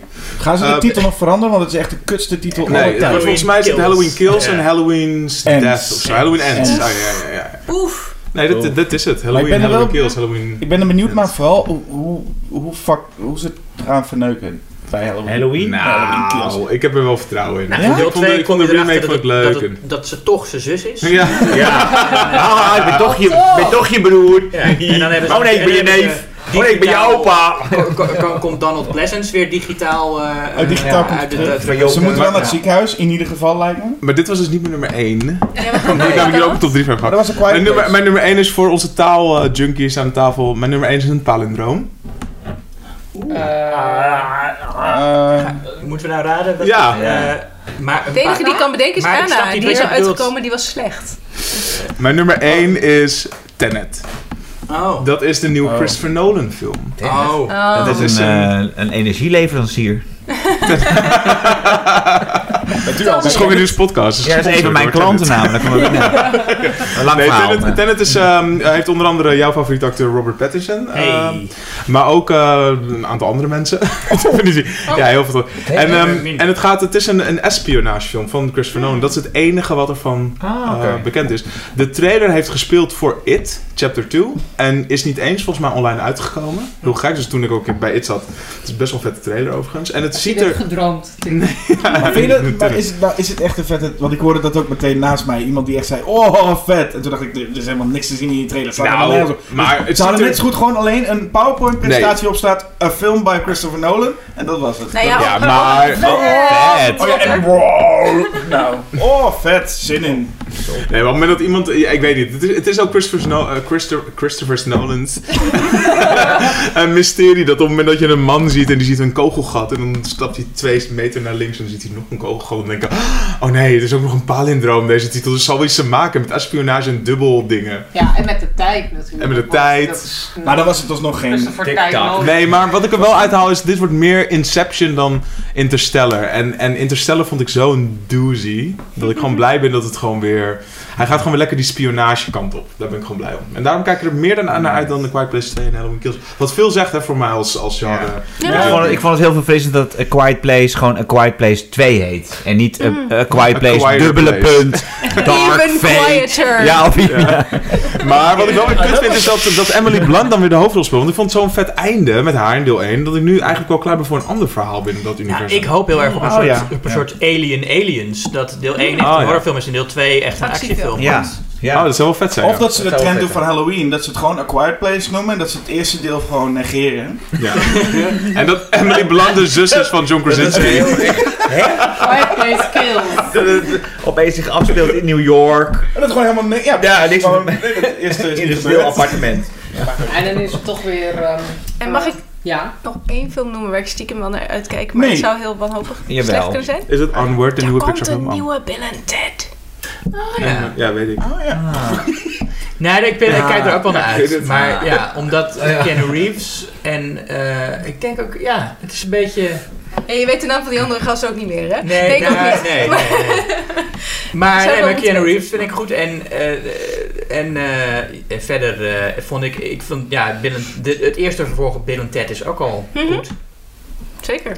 Dus waarom zou het tweede vervolg dan niet? Nee, maar ook al, ook al, komt het, ook al is het zo'n comedy vervolg dat dan heel laat uitkomt, wat natuurlijk meestal een slecht teken is, heb ik hier toch wel meer vertrouwen in, omdat Bill en Ted, eh, ja, toch een beetje die anarchie en, en dat...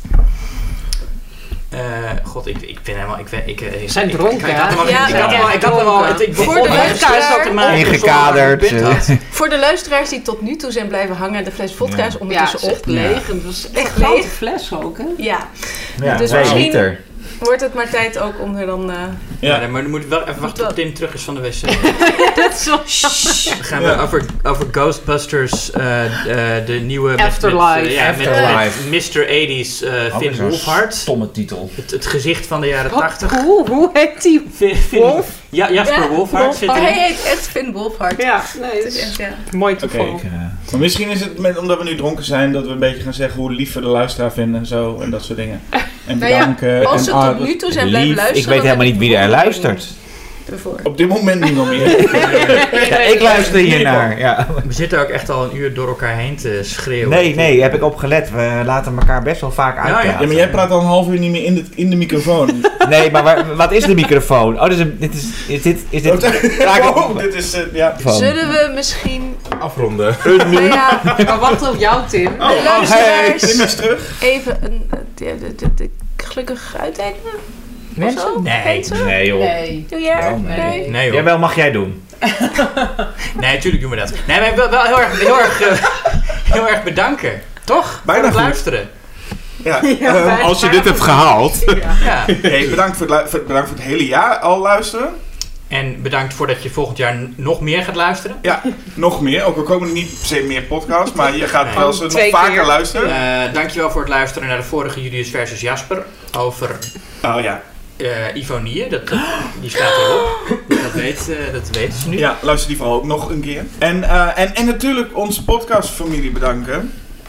Om hier weer te zijn. En Ja. volgens mij kunnen we hopelijk gewoon zeggen tot volgend jaar, toch? Tuurlijk. Ja. Ik ben er weer bij. Ja, Hedwig van Dril, dankjewel. Graag gedaan. Tim Komen, dank, dankjewel. Alsjeblieft. Dat kan iedereen doen. Basje Boer, dankjewel. Erik van het Hof, dankjewel. Graag gedaan. Jasper Wolf, dankjewel.